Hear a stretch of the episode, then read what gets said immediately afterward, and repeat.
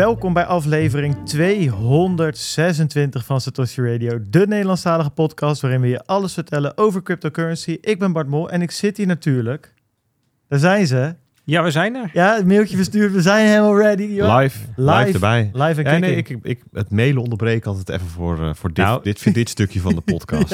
Ik ben me toch een knaller van een marktupdate aan het klaarzetten, jongens. Dus Ja, het we moet hebben- even goeiedag. Nou, eh, lieve luisteraars, we zijn dus... Is jouw marktupdate al ingeprijsd? Nee, nee, nee, dat moet iedereen zijn kaart groter maken, denk ik. Ja. Knoepert van een groene kaars. Nou, we zijn zelfs vanmiddag gewoon voor onze lol eh, de, de jaarcijfers van DNB ingedoken. Nou, dan weet je hoe laat nee, maar we zijn dus met z'n drieën. Nou, ik denk echt vanaf een uur of elf vanmorgen. Aan research hebben we gedaan Ja. voor de marktupdate. Mhm. Peter heeft allerlei ehm, hearings zitten terugluisteren en stukken eruit geknipt. Jongens, dit wordt echt Ja, dit kan, Waanzinnig. kan wel eens van waanzinnig wordt dit. Goed dat jullie er allemaal bij zijn. Hey, nog eventjes, eh, kunnen jullie ons allemaal horen daar? Gaat het allemaal goed? Ja, we zijn gewoon lekker live. Dat gaat hartstikke goed. Ik zie beeld, ik zie mensen, ik zie een, een volle chat. Peter, die, die is daar als chatmaster gewoon... eh, Ja, kijk jij ze er vanavond kon, uit hè? of moet ik het doen? Die, die porno-accounts die er vroeg of laat het- weer eh, het in, in gaan komen. Ja. Ja, het nadeel is dat als je dan aan het praten bent, dan ben je altijd te laat. Hè? Ja, klopt. Waarom dan eigenlijk? ja dan, ik, het is moeilijk man, twee dingen tegelijk. Ja precies. precies. Ehm, Maar ik vind het ook altijd wel interessant hoor. Even Zo'n webadresje even, even checken. Welk web? Oh, wat, wat er doorgestuurd Ja. wordt. Ja, precies. Ja, dan ben je daarna drie maanden bezig om de, de virussen en de, en de spyware van je computer af te, te borstelen. Hey, eh, deze podcast die wordt mede mogelijk gemaakt door Anycoin Direct, Bitbox, Bitfavo, Watson Law, Lightbit, CoinMers, Blocks en BTC Direct. Alles wat wij vertellen is op persoonlijke titel, moet niet worden gezien als beleggingsadvies. Eh, je ziet, die vul je nergens in. Nog steeds niet. Nog steeds niet. En je kan nog steeds een Bitbox 02 wallet kopen. Om die seed lekker veilig te Zijn die houden. nog wel leverbaar joh, sinds wij dat allemaal eh, lopen te roepen elke week? Ze vliegen van de plank. Het is het is- ongekend. Sinds dat wij dat roepen, nou ja, ze zeggen Volgens mij al- zijn er nu weer chiptekorten hierdoor. volgens mij ze zeggen Ja. zelfs van, joh jongens, misschien moeten we maar even stoppen met die sponsoring, want het gaat zo hard. We kunnen het gewoon. Ik heb uit de wandelgangen vernomen dat Bitbox bezig is met een overname van ASML. Ja, Gewoon om het in huis te halen. precies. Het is, Ze moeten die drie Verticale nanometer, integratie. hè. die twee nanometer chip lithografie machines hebben om al die wallets te kunnen maken. Want ja. Ja, als wij dat eenmaal gaan chillen, dan, eh, ja, dan komt, dat, komt dat luisteraarsleger direct in actie Zo'n eigenlijk. bedrijf onderschat het altijd, maar die gaat er bijna aan onderdoor. Dat is, Je zag het ook bij die brokers. Op een gegeven moment, ze worden sponsor. Ja, de, de, de backend die klapt er direct uit. Het is dus, maar Al- waarschuwen ze wel altijd van tevoren. Maar eh, nou ja, we goed. zeggen nog Hard van ja, donderdagavond, laatste donderdagavond van de maand. Ja, dan zitten er een paar whales naar die livestream te kijken. Ja, die knallen meteen naar, naar, naar een CoinMers, naar een Lightbit. Ja, en die gaan daar voor een partij liquiditeit handelen. Dat de DNB is daar niks, de DNB is er niks bij. Nee, Swift kan het niet aan. Swift kan het niet aan. Target 2 klapt eruit. Het is, het is, het is ongekend. Goed, eh shiftcrypto.ch. Gebruik de kortingscode SR. Krijg je 5% korting. Ehm, en als je dat niet doet, dan krijg je dat niet. Maar dan kan je dan kan je gewoon kopen. Ja, dat Ja. kan ook. Het mag Ja. allemaal, joh. Het maakt ons natuurlijk allemaal uit. Ehm, we hebben nog een andere gast trouwens. Ja, die heb je nog niet We hebben geïntroduceerd. ik nog niet geïntroduceerd, maar je kan hem net al zien. Ja, Oh, ja, daar is hij. Oh, eens. Onze eigen Tom Stammes, vriend van de show, was al te gast in aflevering. 20. 28. Nee, al dat- eerder hoor, denk ik wel. Ah, goed. Ja, bij CryptoTakkies zat hij toen. Ja, hij zat eerder heb dit al eens.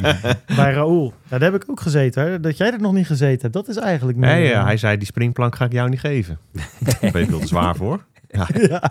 zo gaan dat soort dingen. Nou goed, eh, we zijn er. Tom is erbij. Wie weet gaat hij nog wel wat vertellen. Eh, wie weet ook niet. Het ligt er een beetje aan wat voor stemming, in wat voor stemming die is vanavond.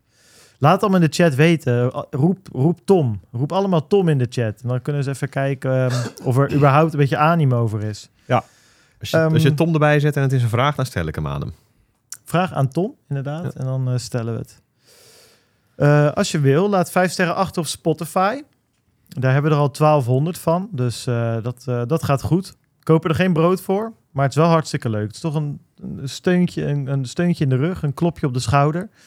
Ik zie dat er ook eh, genoeg kijkers zijn. Laat allemaal even een like achter. Dan wordt deze video ook weer bij andere kijkers door een strot geduwd door het algoritme. En dat is natuurlijk uiteindelijk ehm, waar we met z'n allen Ja, Dat is toch het piramidespel waar we eigenlijk... eh, precies waar we waar, waar, ons in bevinden. Ja, zo Mocht je nog andere YouTube Ponzi tips hebben? Ze overal voor open. Als we Tupperware moeten verkopen, Ja, maakt dan weer Weight Watchers, zeg Maakt maar. er maar geen zak uit. We, gaan echt, eh, we zijn echt voor alles, eh, alles beschikbaar tegenwoordig. Hoewel, sinds wij die livestreams doen, YouTube het ook moeilijk heeft, hè? Hm? Eigenlijk net als met die sponsoren. Die, die kunnen het ook Heeft maar- YouTube het moeilijk? Die zijn juist wel volgens mij wel goed bezig. Ja, klopt. Kom, we gaan door naar Bitcoin Alpha. Wat? De grap was dat YouTube die 62 kijkers Ja. ons niet aan kan. Oh ja, oké. Ja, goed. Nou.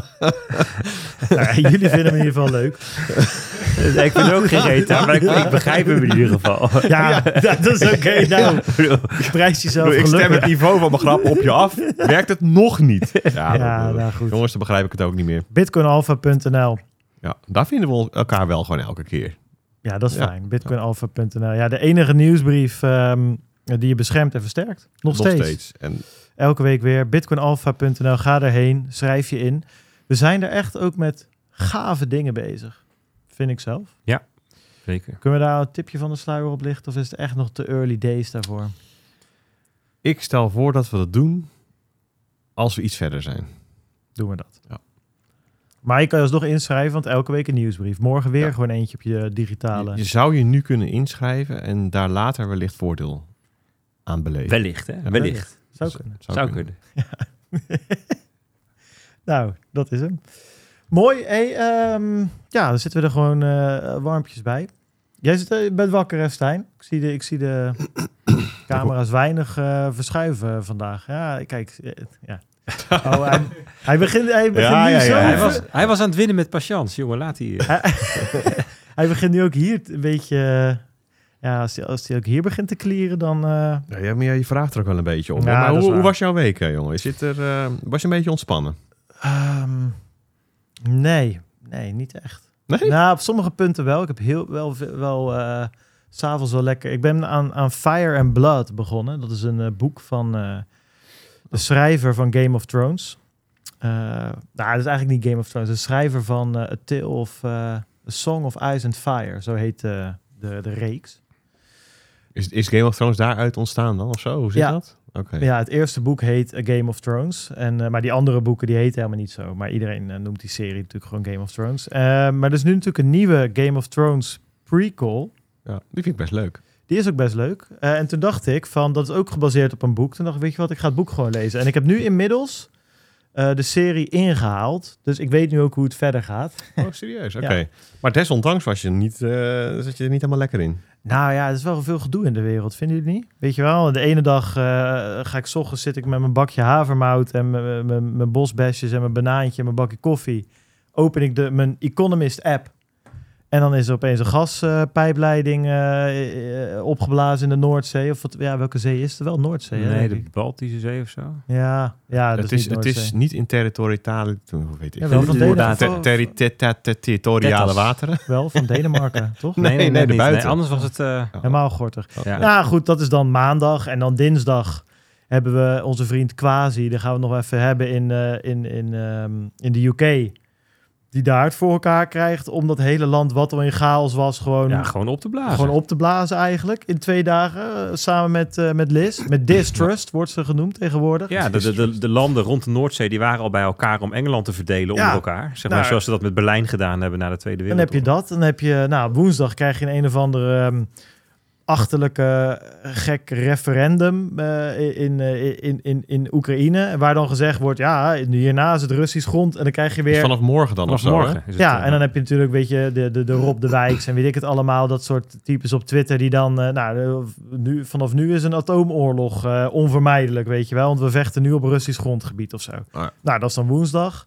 Nou, hadden we nog, nog wat anders deze week, wat op donderdag eh er nog dat is achteraan vandaag, hè, donderdag. Dus Nee, maar het punt is een beetje, Ja. elke dag open je iets en dan heb, krijg je nieuws voor je kiezen wat eigenlijk nooit voorkomt, normaal gesproken of zo, weet je. En ehm, eh, Ik heb wel een tip voor je. ja, geen nieuws lezen, maar Nee. Oh. Nee, veel, echt veel makkelijker nog. Dus als je, er, als je er gewoon zo in zit zoals jij, je ziet er gewoon even niet meer zitten. De, Dat zo erg is de, ook de wolkjes die, die verschijnen. Het gaat een beetje regenen. Dat was trouwens wel zo. Het was ook wel... Dat, was wel- dat het was het wel grootste Koud, punt. jongen, deze week. Het was winter. Ik kon ook niet meer naar buiten wanneer ik wilde. ik zat gewoon vast. In Ja. gevangenis. Nee, ja, serieus. En ik heb het regende de hele dag. Ik heb besloten om mijn cv niet aan te zetten deze winter. En daar heb ik inmiddels spijt van. het, was echt, het was echt koud in de woonkamer ook. Oh, ja, ik, ik las hier in de chat ook al van iemand. VPN Consult. Die zegt gasrekening 900 euro per maand. Ja, Dus ik zeg, waar, waar woon je dan? In het koerhuis of zo? ik zeg, nee, boven is enkel glas. 1800 kub per jaar, 3000 kilowatt stroom. Dat is best wel... eh Dat is, dat vind ik is- niet heel hoog per se. nee, dat is minder dan wat ik gebruik. Maar ik betaal maar 300. Maar dat komt ook omdat ik het gewoon niet eh, verhoogd heb. Mijn maandbedrag. Ik denk, eh, als ik mijn maandbedrag te veel verhoog... en dan gaat mijn energiemaatschappij failliet... dan heb ik al die voorschotten betaald. ja. Ja, moet je niet hebben. Kan je beter dan eh, achteraf. Nee, maar dat was dus ook nog wel een dingetje inderdaad. Dus je had het weer. Het was opeens koud. Het is ochtends eh, eh, en 's avonds gewoon weer donker. En ik kan dus op een gegeven moment, als ik dan genoeg nieuws gezien heb, dan wil ik lekker even twee uur gaan lopen of zo. of een stuk gaan fietsen. En als het dan de hele dag regent, dan word ik ook gewoon belemmerd in mijn bewegingsvrijheid. Dus daar was ik klaar mee.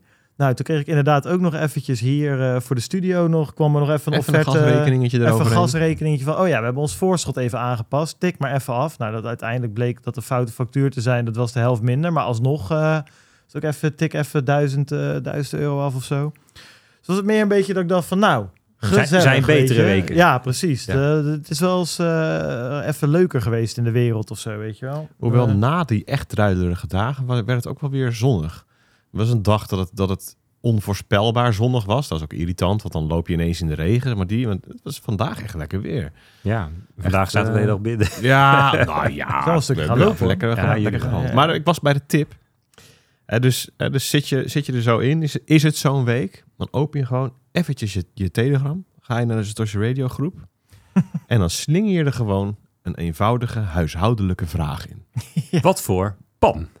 Precies. Weet je, en, en dan draait de sfeer gelijk. Mensen zijn behulpzaam. Je krijgt tips. En je bent binnen een half uur helemaal bijgespijkerd in de pannenkunde. Blijkt die pan wel 5000 euro te kosten. Dus je hebt er dan... Ja. Er En zijn je bent drie, inderdaad, drie uur per week bezig om hem te onderhouden. er zijn Ja, inderdaad precies. mensen die zeggen... Nou, ik zweer bij deze en deze pan. Nooit van gehoord. Je kijkt dan even ergens op een of andere webshop. Betaal je inderdaad Ja, een of andere, honderden euro's een of andere eh, Duitse, Duitse middeleeuwse eh, die er dan wel uitziet. metaalarbeider die Ja. nog steeds voor ze- handgemerkte pannen. Ja. En ik, ik wil dat dan eigenlijk wel. Want ik zie... Dit hebben ze dan weer goed gecheft. Ja, met, Ja, ja, goed mooi. gecheft. Met, Ja. met, eh, met die productfoto's. Echt wel mooi spul. Dat heb ik ook vaak met barbecue spullen. Dan denk ik van, oh, het ziet er wel goed uit. Dat wil ik eigenlijk ook hebben. En Ja, kom je dan erachter dat tuin zo'n- en dat dan zo'n is het green egg, binnen. weet ik hoeveel duizend euro kost. Maar ehm, Die ik had dus per ik ook, ongeluk ja. had ik dus ook een bitcoin eh, onderwerpje aangesneden. Dat wist ik helemaal niet. Dus dat, daar, Nee, dat, Ja, dat die- was echt per ongeluk. ja. dus eh, 100 procent. Want het ging namelijk echt een halve dag later op Twitter ook ineens over uh, of, pannen. of, of, tij- 17 of- of tijdens dat ik die vraag stelde. Het was ook niet de bedoeling per se om het, eh, om, de, om het onderwerp van de chat bij te sturen. Dat ging ook toevallig goed. Dus, maar dat zeg ik. Dat gewoon, was wel goed, want we zaten weer in een of andere domme devloop ergens over. Ik weet niet meer wat het was, maar het was goed dat je dat even... ja, nou ja, Aan de pannen. maar dat is dus de tip. En gewoon even een, een makkelijke, toegankelijke huishoudelijke vraag even, stellen. eh, als je je niet goed voelt, dan verlies jezelf even in, in het consumerism. Koop, koop je gelukkigheid Ja, weer terug. gewoon iets, iets wat direct verbindt, weet je. En, Pannen, dan- ja. Maar er is dus een pen wars hashtag en een hashtag cookinggate. Ja, schijnbaar ja. Ja, het, het gaat dus over ehm, dat, dat, dat staal en of gietijzeren pannen, dat, dat zijn eh, de, de, de pannen die je moet hebben. ja. Ja, dus dat, dat is het, de hoogste klasse en al het andere. Dus, maar je hebt shitcoin pannen en je hebt maxi pannen. Maar ik vind het grappig dat die, dat die maxi's daar nu opeens achter komen. Want dat is toch al, ik bedoel, gietijzeren pannen. Daar, daar, daar, die gebruikten ze in die Game of Thrones boeken al in eh, 1800 voor eh, Christus. Ja, niets nieuws onder de zon. Nee. Wel fijne pannen hoor. Maar je bent wel inderdaad wel vaak aan het schrobben. En het, eh, je moet ze koten en weet ik het allemaal. Wel gedoe hoor. We gaan naar Bitcoin Amsterdam. Goed idee? Eh, Ja, jij had ook ik nog ga wat. eh, oh nee, je had het over die pannen. Ja, nee, Ja. laten we dat doen. Ah, de pannen die hebben we wel gehad. Ja, jij had Sebas even gebeld. Ik had Sebas gebeld, ja. Ik ben wel benieuwd eh, wie er nu luistert en naar Bitcoin Amsterdam gaat. Dus ik, ik heb inderdaad even gebeld met iemand van Amsterdam Decentralized, een van de organisatoren. Ja, Peter en ik liepen gisteren door Amsterdam. En toen zagen we ineens ook een poster aan de muur hangen. Ja. Bitcoin is coming to Amsterdam. Dat, ik- grappig. dat zei ik tegen Sebas en die zei, oh, dus ik denk niet dat zij achter die campagnes zitten. Of wel, of hij wist het gewoon niet. Maar gewoon even wat, wat korte updates. Hij zei als eerste tegen mij... Die Boel Stage... Ja, de, de grootste zaal heet de Boel. Dat is Moon Stage geworden. Want daar kunnen een boel mensen in? Of hoe zit dat? Ik denk een heleboel. Ja, denk het wel. Ehm, en eh, toen dacht ik eerst van ja, Moon, Moon. We zijn geen Moon Boys, maar we gaan wel met z'n allen to the moon. Maar toen vertelde hij even wat, wat de achtergrond was van het verhaal. Die mag ik niet met jullie delen. Maar Oh. nadat ik dat hoorde, dacht ik van, oh, dat wordt wel vet. Dus het gaat er heel, heel, heel erg vet uitzien. Dus dat wordt van het begin af aan indrukwekkend om daar binnen te lopen. hij vertelde ook dat de exhibit, dat is de ruimte die sponsoren kunnen, waar sponsoren gestald worden met hun eh, koopwaar. Een soort, soort, eh, Met een pan. eh, Ja, en, maar al zo'n zo'n oude, hoe noem je dat? Wat je de Efteling hebt, maar met al die Arabieren, weet je wel. ja, De- zo'n bazaar. de fa- ja, de Fata Morgana. Ja, daar staat Zeven de Moes staat daar vlees te verkopen. En, en in elders staat de pannen te verkopen. iedereen Ja. staat zijn eigen bitcoin kaart aan te prijzen. Hoe heet die? um, ja, goed, whatever. Maar die is uitverkocht. Dus Michael Saylor staat tanden te trekken. Ja, precies. Ja, inderdaad. Nou, wat Michael Saylor dan staat te doen, ik Met Odell op zo'n vliegend tapijt. Ja, allemaal tijgers. Jack Mellis met een van die grote tijgers. Ja, dat denk ik wel, ja. En. Exhibit, die loopt er dan ook rond. Maar goed, waarom die steeds naar hem vernoemd is, dat weten we dan niet. Ja, het wordt, ja, ja, jongens. Maar ehm, veel verschillende partijen zijn er, van miners tot exchanges. En, eh, en ook een boel Nederlandse partijen is goed vertegenwoordigd. Dus dat is leuk. De art gallery is concreter geworden. Als je in, into de kunst bent, er is een pagina ehm, op ehm, de website van Bitcoin Amsterdam. En daar zie je de, de artiesten, de kunstenaars die daar Oh, eh, dingen je gaan... nou? eh, Ze hebben weer echt wel weer wat dingen online gezet hè, deze week. Ja, er komt een merchandise store en daar gaan ze exclusieve t-shirts aanbieden. Er zijn er 50 geloof ik, dus heel exclusief. Dus mocht je dat soort dingen leuk vinden, dan moet je er vroeg zijn. Ehm, ze hebben wat klein beetje wat gedeeld over de Sound Money Fest. Daar hoor ik best wel wat vragen over ook. Dat is, dat is die vrijdag. Ja. Ehm, en ik kon in ieder geval van zeggen dat de vrijdag ehm, de activiteiten lopen van drie uur in de middag tot één uur eh, in de nacht. En de basis ervan is, is een groot opgezet entertainmentprogramma. Die in thema's wordt verdeeld. En het idee is een beetje dat je elk uur wel iets nieuws te doen hebt. Nou, en nou, ik krijg dan een klein beetje meer mee. En dan hoor ik al van dat dat wordt wel een beleving. Ehm, dus ja, ik, ik had net als de rest niet, nog niet zo'n eh, goed beeld bij die vrijdag. Maar daar heb ik nou ook heel veel zin in. Om drie uur beginnen, dat betekent ook dat je dus donderdag echt wel eh, serieus lang door kan gaan. Ja, en dat is belangrijk, want er zijn best wel veel eh, satellite events. Zo, dat heb ik ook gehoord, ja. Dus ehm, Ja, eentje zelfs Ja. van Connect the World, hè? ja, die twee, Ja, twee, ja, allebei die- de avonden. Die gaan gewoon allebei Ja. de avonden. Maar het is En de. Bitcoin Show ook, toch? Ja, Bitcoin Show is op dag 1, dus dat is woensdag. Ja, woensdag dan. Dat is de eerste dag, toch, jongens? Ja? Ja, klopt. Oké, ja, ja. dankjewel. Ehm, Dus sorry, zag je, dat was ik twee dingen tegelijk aan het doen. ja, precies. Ja, Nee, maar dan is het donderdag. ehm eh, je hebt woensdag de Bitcoin Show en natuurlijk dus ook Connect the World. Maar dan heb je dus ook nog eens eh, op donderdag weer Connect the World. Eh, en je hebt natuurlijk de jongens van de Crypto Golf Tour, die dus ook bezig waren met een of het ander. Dat is ook een satellite event. Ja, ik heb het linkje ook even in de chat gezet van, eh, die, van YouTube. Ja. Er is een linkje op de site ook. Het heet Bitcoin Week, is menu-item. En daar staan ook de verified events staan daar opgelijst. Waaronder Connect the World dus. Ja, En ehm, de Bitcoin Meetup staat er ook van de Bitcoin Show. En, eh, nou ja. en, de, en golf en beers en bitterballs staat er ook bij. Dus dat wel nou, dan kan je ze allemaal, checken. Allemaal vinden. Ja, wordt leuk. Ik heb er erg zin in. We hebben deze week ook echt wel wat dingen even afgetikt. Eh, we hebben t-shirts en de posters laten drukken. En we hebben een beetje een idee van onze stand. En eh, dat gaat echt wel gaaf worden hoor. Eh, ik heb er echt wel zin in. Eigenlijk. Jullie? Ja, zeker weten. En ik vroeg nog even, want ja, dan krijg ik Sebastian aan de telefoon. En je hoort al gewoon aan alles, het is rete druk. En die start dus om 8 uur 's ochtends met zijn team. Eindigt om 9 uur 's avonds en dat eigenlijk al maanden.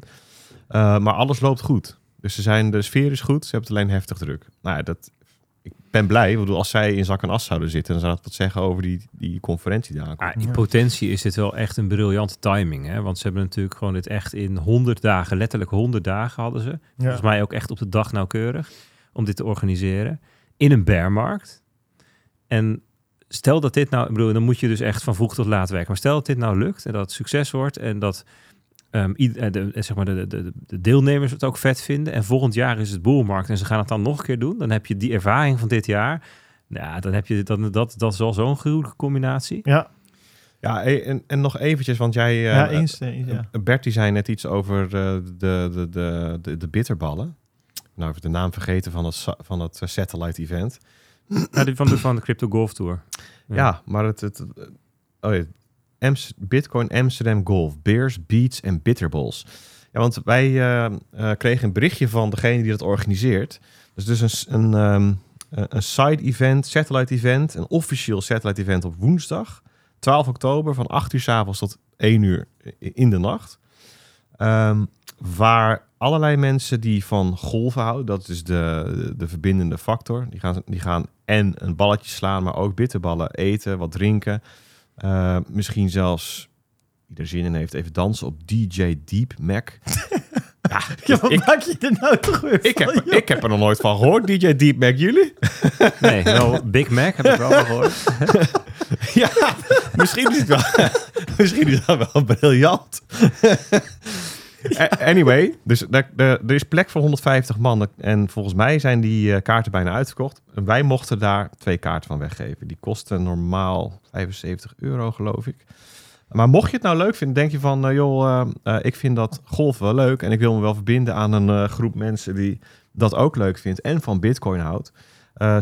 Ja, dan denk ik dat we even gewoon op Twitter... daar de, de, Ja. de, de inschrijvingen voor Ik zet even een tweetje online. We gaan, ehm, we gaan even een tweetje online zetten en reageer er even op. En uit de reacties Kiezen we er twee. kiezen we de twee. Ja. Dus dat wordt tof. Ik, ik hoorde van, ehm, eh, van Pieter, een van de organisatoren, dat ze ook nog wel ehm, een aantal grote namen die op de conferentie zijn hebben uitgenodigd. En dat daar wellicht ook nog wat mensen van langskomen. Ja. Dus Who knows? Who knows? Who knows? Ha, dat is wel weer leuk. Even spontaan lachen. Ja. dat is altijd dat fijn. doet, ja, ik bedoel, Ik vind het tot nu toe een leuke, lekker gelach al, deze Ja, aflevering. nee, Wat dat betreft ik- zijn die live shows altijd wel weer lekker, Ja, hoor. misschien als je, als je gewoon echt een goede grap hebt, zet maar even in de chat. Laten we eens kijken. Oh, ja, hier doe ik het er ook wel voor. Eén keer per maand eventjes. Lekker lachen. ja, de Ehm, rest is het janken. Maar Nee, de- de- de- we, zijn wel we- tegenwoordig. We zijn natuurlijk drie uur best wel serieus bezig, weet je wel. Vind ik het wel even le- lekker om gewoon even Ja. met een biertje erbij te kunnen Hey, en, lachen. en is het ook lachen om de donaties? Of is het daar... eh, nee, ik wil even Stijn, jij hebt ook de audio op record staan, hè? Voor duidelijkheid. Ja, even, even een kleine check. een klein checkie. Detail. Ehm, ja. Eh, ja, we hebben donaties. Zeker weten van Mr. Salsanero. Nee, Salsa Lero. Salsa Lero. die is op, zit op dansles, denk ik. Ja, ja inderdaad. En Kaas Peeland. En Mr. Sal Salero, die heeft zelfs een noot opgezet. En eh, dit is de eerste, eerste transactie, eerste donatie. Dus ehm, ja, ik weet niet, Stijn, heb je onder de knoppen geel, dacht ik, hè, dat Ja. we hem altijd hadden, of niet? Nee, jij weet Oh. het beter dan ik. Komt-ie. Set trombone. Ja, Jawel. Heel goed. heel fijn. Even nog een vraag tussendoor. Jurjan die vraagt, komt er SR-merch, dat was radio-merch op de Bitcoin-conferentie, Bart? Ehm, als eh, mensen dat heel vet vinden, wat wij aan hebben, dan kan ik het overwegen om daar... Om wat eh, aan het te verkopen. is zo'n voetballer na de wedstrijd. Is dat een beetje hetzelfde als zo'n ingelijst shirtje? ja, die iemand... ja, ja, ja, Daar ja. zat je net helemaal op af te geven. Ja, Nee, ik zei alleen wat het, wat het kost. Ja. Ehm, en jullie kwamen daar, dat, of Peet zei dat, zo'n shirtje schoor en weet ik het allemaal. Ja, er, er hangt hier opeens, hier er, in, het, in het verzamelgebouw waar, waar de studio zich begeeft, eh, hangt opeens een gesigneerd shirt van Ivan Rakitic in de tijd dat hij bij Sevilla speelde. Dat is super random. Eh, dat staat hier nu ergens. Dus we zaten daar een beetje over te filosoferen. Ja, dus gaan we onze merch eh, verkopen? Nee, niet. Maar als, als ik na die, na die bijeenkomst zoiets heb van... oké, 100 mensen willen zo'n trui of zo'n shirt. Ja, goed, dan, dan moeten we kijken of we dat op poten kunnen zetten. We hebben wel ehm, posters, 100 stuks. Dus ehm, ja, wie weet krijg je een poster mee. Wie weet niet, dat ligt er een beetje aan. Dat, maar Klinkt dat alsof daar nog voorwaarden aan verbonden zitten. nou ja, goed, er komen 5000 man. We hebben 100 posters, weet je. Dus er moet wel eh, eh, ja, iets leuks. Een klein biertje, een hamburgertje. weet je wel? Geef Bart eten en drinken en je hebt een poster erbij. Nou, ik, Ja, ik, Goeie tip- deal. tipje van de week. Goeie deal. Connect the World. Ja, Stefanet, die hadden deze week aan tafel Dimitri Laptev. Eh, en maar eh, wat Dimitri dus heeft, ja, is een enorme nood. nee, maar hij heeft een enorme routing nood. En eh, ehm, meer dan 500 payments per dag. Je kent het wel. Dus Stef en die hebben het eigenlijk over, ja, hoe manage je dat nou? Ja, ja. Gaat helemaal stuk, die Peter. Hoe manage je dat nou? Ehm, ja, het is eigenlijk gewoon hoe manage je een routing node. Daar komt het op neer. En eh, daar hebben ze het over gehad deze week. Dus ik zou zeggen, ga hem weer luisteren. Spotify, eh kijken kan op YouTube. Connect the World. Ja, oké. Tijd back- voor wat back- diepgang, jongens. Precies, back to reality. Ja. Nou, ik Ja, zag, ik zag in de chat een paar mensen hebben ons al uitgezet. Die vinden het te veel sport. Ah, maar stiekem zitten ze gewoon nog te luisteren. ja, Hoor. denk je? Ja hoor, Lorenzo. Ah, dan hou op. Dat geloof ik ook niet, inderdaad. Nou, we doen er wel een eh, linkje en dan kan je in één keer naar, eh, naar het saaie Om, gedeelte. ze- om ze te pesten gaan we tijdens de marktbed ook nog even heel slap houden. Ja, precies. Midden als Bert in- uit aan, Vlak voor... uit aan het leggen wat nou, waarom nou git yields eh, zo belangrijk zijn bij bonds van de UK. Dan, eh dan Hey. dat is tijd voor een flauwe grap, denk ik. Nou, nee, we gaan, ik we gaan echt eh, even lekker aan de Q slag. geven. Bert, marktupdateje. Dus ehm, genoeg gelachen. Tijd om te huilen. Hij vroeg van tevoren, hoe lang mag ik het over de marktupdate hebben? Twee of drie uur. Ja, precies. Dus dan weet je wel hoe het zit. Nou, dit is zo'n week Leuk is dat je het allebei kan Dat, bij dat, ons. echt, eh, dat, het- dat er gewoon ook echt genoeg te, te, te praten Ja, is met ja, elkaar. Ik bedoel, je, je, je zei, je, je had al een eh, tipje van de sluier. ja, De Bank of England. elke dag was er wel wat. Ja. Ehm, ja, maar goed, laten we, laten we maar gewoon eens beginnen bij Bitcoin. Weet je, het is toch gewoon eh Satoshi Radio en niet ehm, Zeker. geopolitiek radio. of je wou zo. zeggen, het is toch de Bitcoin show. Maar nee, Dat is het eigenlijk ook. Ja. maar eh, een, een, een Bitcoin show. Nee, dit is, dit is ehm, eh, gewoon e- even even het overzicht. Dit is ehm de grafiek van Bitcoin in de afgelopen vier, vijf maanden. Helemaal links begint de Luna crash. Ja. En dan ehm, daarna het volgende trappetje is de Celsius crash. Nou, je weet nog wel, begin mei en begin juni. Toen kwamen we uit in een gebied, een beetje tussen 17.500 en de 50.000 dollar. Waar het eigenlijk zijwaarts is gegaan. En ook de afgelopen week, de afgelopen twee weken, zit het zo'n beetje rond de 19.000 dollar. Dus ietsjes lager dan we ehm, daarvoor de hele tijd op de borden zagen. Maar ja, het is nog steeds wel gewoon hetzelfde prijsbereik. En dat zie je, het is ook wel logisch. Dat zie je als je gaat kijken naar hoe, het, ehm, hoe, hoe, hoe Bitcoin zich verhoudt ten opzichte van ehm, de, de twee grote Amerikaanse aandelenindexen waar we eigenlijk altijd naar kijken. De S&P 500, dat is de ehm, algemene index. En de Nasdaq, dat is de tech-index. Ja. En ja, die, die, die, kijk, we zeggen vaak ze zijn dan gecorreleerd. Hè? En wat we eigenlijk bedoelen, als je naar de grafiek kijkt, dan beweegt het een beetje dezelfde kant op.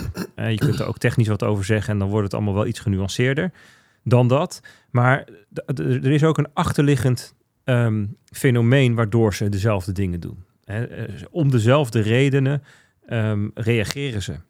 En wat dus opvallend is, is dat, de, dat die, die aandelen die ehm, hadden een rally eigenlijk in ju- juli en augustus, de zomervakantie, gingen ze echt wel flink omhoog. Ehm, zo, zoveel dat, mensen, dat er alweer mensen riepen van nou, het is de bear achter de rug, weet je wel. En, en Bitcoin bleef maar ja, onder die, het was dat hoogste puntje was dan 25.000 dollar of zo, weet je. Dat, maar dat, dat, dat, dat, die ging helemaal niet mee, Ja, weet je gewoon, wel. gewoon vlak als we naar deze kaart Ja, kijken en, en, het was ook een beetje teleurstellend van waarom gaan die aandelen wel en wij niet, weet je dat gevoel. En toen de laatste weken is en die aandelen weer helemaal terug naar beneden gekomen. Sterker nog, de S&P 500 die heeft een lagere prijs op de borden gezet deze week dan het laagste punt in juni. Dus Ja. met andere woorden, het laagste koers dit jaar bij de S&P 500. En dat geldt niet voor Bitcoin. Dus je ziet dat eigenlijk, nou ja, Bitcoin het dan relatief helemaal niet zo gek doet de afgelopen twee weken. Hij zegt, ondanks al die turbulentie waar je het over hebt Ja. en al die onzekerheid die erbij komt kijken, eh, is in de tijd dat de, de, de aandelenkoers echt flink daalde, Bitcoin ja, gewoon zijwaarts gegaan. Dus dat is interessant, opmerkelijk. En Bert, heb jij nog, ehm, eh, ja, als het verder in je marktupdate voorkomt, moet je, moet je maar zeggen. Maar we hadden een klein gek, gekke spike deze week in de bitcoin prijs. Ja, Deze 1000 klopt. euro omhoog en 1000 euro Ja. omlaag weer eigenlijk. Ja.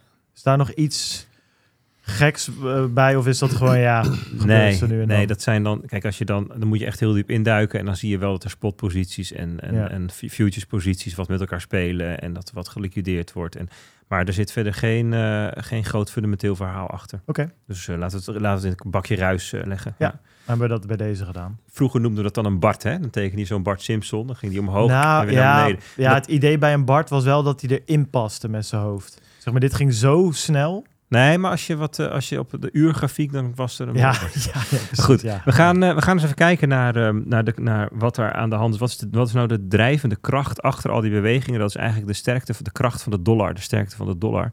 We zien hier vier grote munten, namelijk de euro, de Koreaanse won, Japanse yen, Britse pond, ten opzichte van de dollar. Ehm, en allemaal zo tussen de 20 en de 25 procent gedaald sinds juni vorig jaar. Dus in een jaar tijd, in een ruim jaar tijd. Ehm, en ehm, dat zegt veel over de kracht van de dollar. Daar hebben we het een keertje over gehad in Stoshi Radio, hè, de wrecking ball, Ja. de sloopkogel.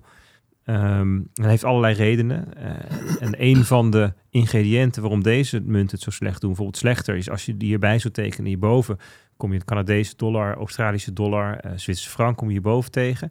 En deze die hebben ook last van eh, verslechterde economische vooruitzichten door de energiecrisis. Ehm, denk je, hoe kan het dan dat die Japanners ertussen staan of die, eh, die Koreanen? Nou ja, die zijn ook afhankelijk van energieimport. En ehm, ook de Aziatische gasprijzen zijn hoog, omdat het de, de LNG, hè, de liquid natural gas markt, dat eh, veroorzaakt. Hè. Dus wel goed voor mensen om zich te realiseren dat ehm, doordat wij hier in Europa heel erg inzetten op die LNG-imports, ehm, dat we daarmee voor ongelooflijk veel andere landen ook voor heel veel pijn zorgen. Hè, dus er is een probleem. Het probleem is er is te weinig aanbod van energie. Er zijn te weinig moleculen. Die hebben we nodig nu. Ehm, en eh, eh, eh, dat kun je oplossen door voor meer aanbod te zorgen. Heel simpel. En je kunt ook zorgen eh, nou, eh, en, minder verbruik. Nou ja, dat, dat zijn de twee richtingen. En aan de aanbodkant kan je zeggen, nou, we gaan het importeren of je gaat meer produceren. Nou, en wij richten ons nu, nu heel veel over, dan moeten we maar gaan importeren. Ehm, en dat is, dat is voor nu is dat e- e- even prima, maar we moeten ons wel realiseren dat het nog een jaar of vijf, zes duurt voordat er zoveel infrastructuur gebouwd is wereldwijd, voordat ehm, LNG de Russische exports kan vervangen. En in al die tijd ertussen zal LNG hartstikke duur zijn. En zullen we allerlei landen zijn waar mensen arm zijn en helemaal geen energie meer hebben. Of, of hele dure energie hebben. Dus het is best wel ook een ehm, ja, egoïstische misschien manier om er naar te kijken. Om al dat allemaal geïmporteerd. Maar goed, dat even tussendoor. Kijk, wat heel erg opvalt, helemaal rechts onderin, is dat die groene streep, die ehm, eh, Britse pond, die ja, begin september eigenlijk nog het relatief goed deed ten opzichte van deze vier, die, die klettert als een, nou, een baksteen naar beneden en die zit nu ineens helemaal onderaan. En Ja. dat is wat er de afgelopen week, eh, nou ja, ja, eigenlijk week, hè, ja, Ja. vorig jaar, vorige week ehm, eh, donderdag was alles nog wel. En vorige week vrijdag begon het gedonder. V- vorige vrijdag, dus 23 september, kwam deze, dit bericht op FD. Nieuwe Britse regering komt met vergaande belastingverlagingen. Ehm, En, en wie hebben we daar op het plaatje? Want dat is wel een beetje de hoofdrolspeler Ja. in dit... eh, Kwasi Kwarteng heet hij. Ehm, de buurman van premier Liz Truss. Nou, hij is minister van Financiën. Ja. En, ehm, de nieuwe minister van ja, Financiën. nieuwe, en hij loopt hier langs Downing Street 10, denk ik. Langs het huis van eh, de premier. Ja. En ehm, ja, hij, hij, zij, zij kondigen samen de grootste belastingverlaging in nou ja, tijden aan. Echt enorm. Het hoogste belastingtarief werd geschrapt, zeg maar de hoogste schijf. Die verdwijnt gewoon. Het basistarief van de inkomstenbelasting gaat omlaag. Onroerende zaakbelasting gaat omlaag. Er was een winstbelastingsverhoging al gepland. En die Ja. gaat toch niet door. Dus alle en 45 miljard pond is ermee gemoeid. Ongelooflijk veel money. Maar Ja. er is geen dekking voor. Het is niet dat dat ergens anders vandaan komt of zo. Het is gewoon begrotingstekort. Eh, sterker nog, dit komt nog eens bovenop die, eh, laten we even zeggen, 60 miljard aan eh energieplafondachtige eh steunpakketten. 150 miljard. Ja, nou, Dus Hey, er- maar, er eh, was al een energy support package van 150 miljard gepland en dan kwam deze dus nog bij. Ja, hoe, hoe, ehm, hoe, zit, hoe zit het precies? Want ja, weet je, je, je hoeft niet veel eh, ge- gevoel in je lijf te hebben ehm, om te weten dat dit niet het ideale moment is of zo, hè, om, om de belasting van de rijken te verlagen. Meer te verlagen dan, dan van mensen die het minder goed hebben. Wat, wat is de, de, de gedachte geweest? De achterliggende filosofie is dezelfde als eh, Ronald Reagan en Margaret Thatcher hadden een tijd geleden. En dat, is, dat, dat, dat werd dan zeg maar schertsend wel trickle-down economics genoemd. Hè. Dus het idee is, als je maar zorgt dat de, de rijken het goed hebben, dan druppelt die welvaart vanzelf door de economie naar de onderste laag toe.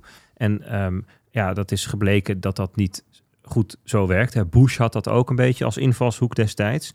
En dat is, dit is eigenlijk de verkiezingsbelofte waarmee zij ehm, gewonnen hebben. Hè. Tenminste, ze hebben gewonnen, de verkiezingen. En dit is de belofte waarmee zij Nou ja, die verkiezingen ingingen. Als, Verkiezingen, verkiezingen eh, in de partij.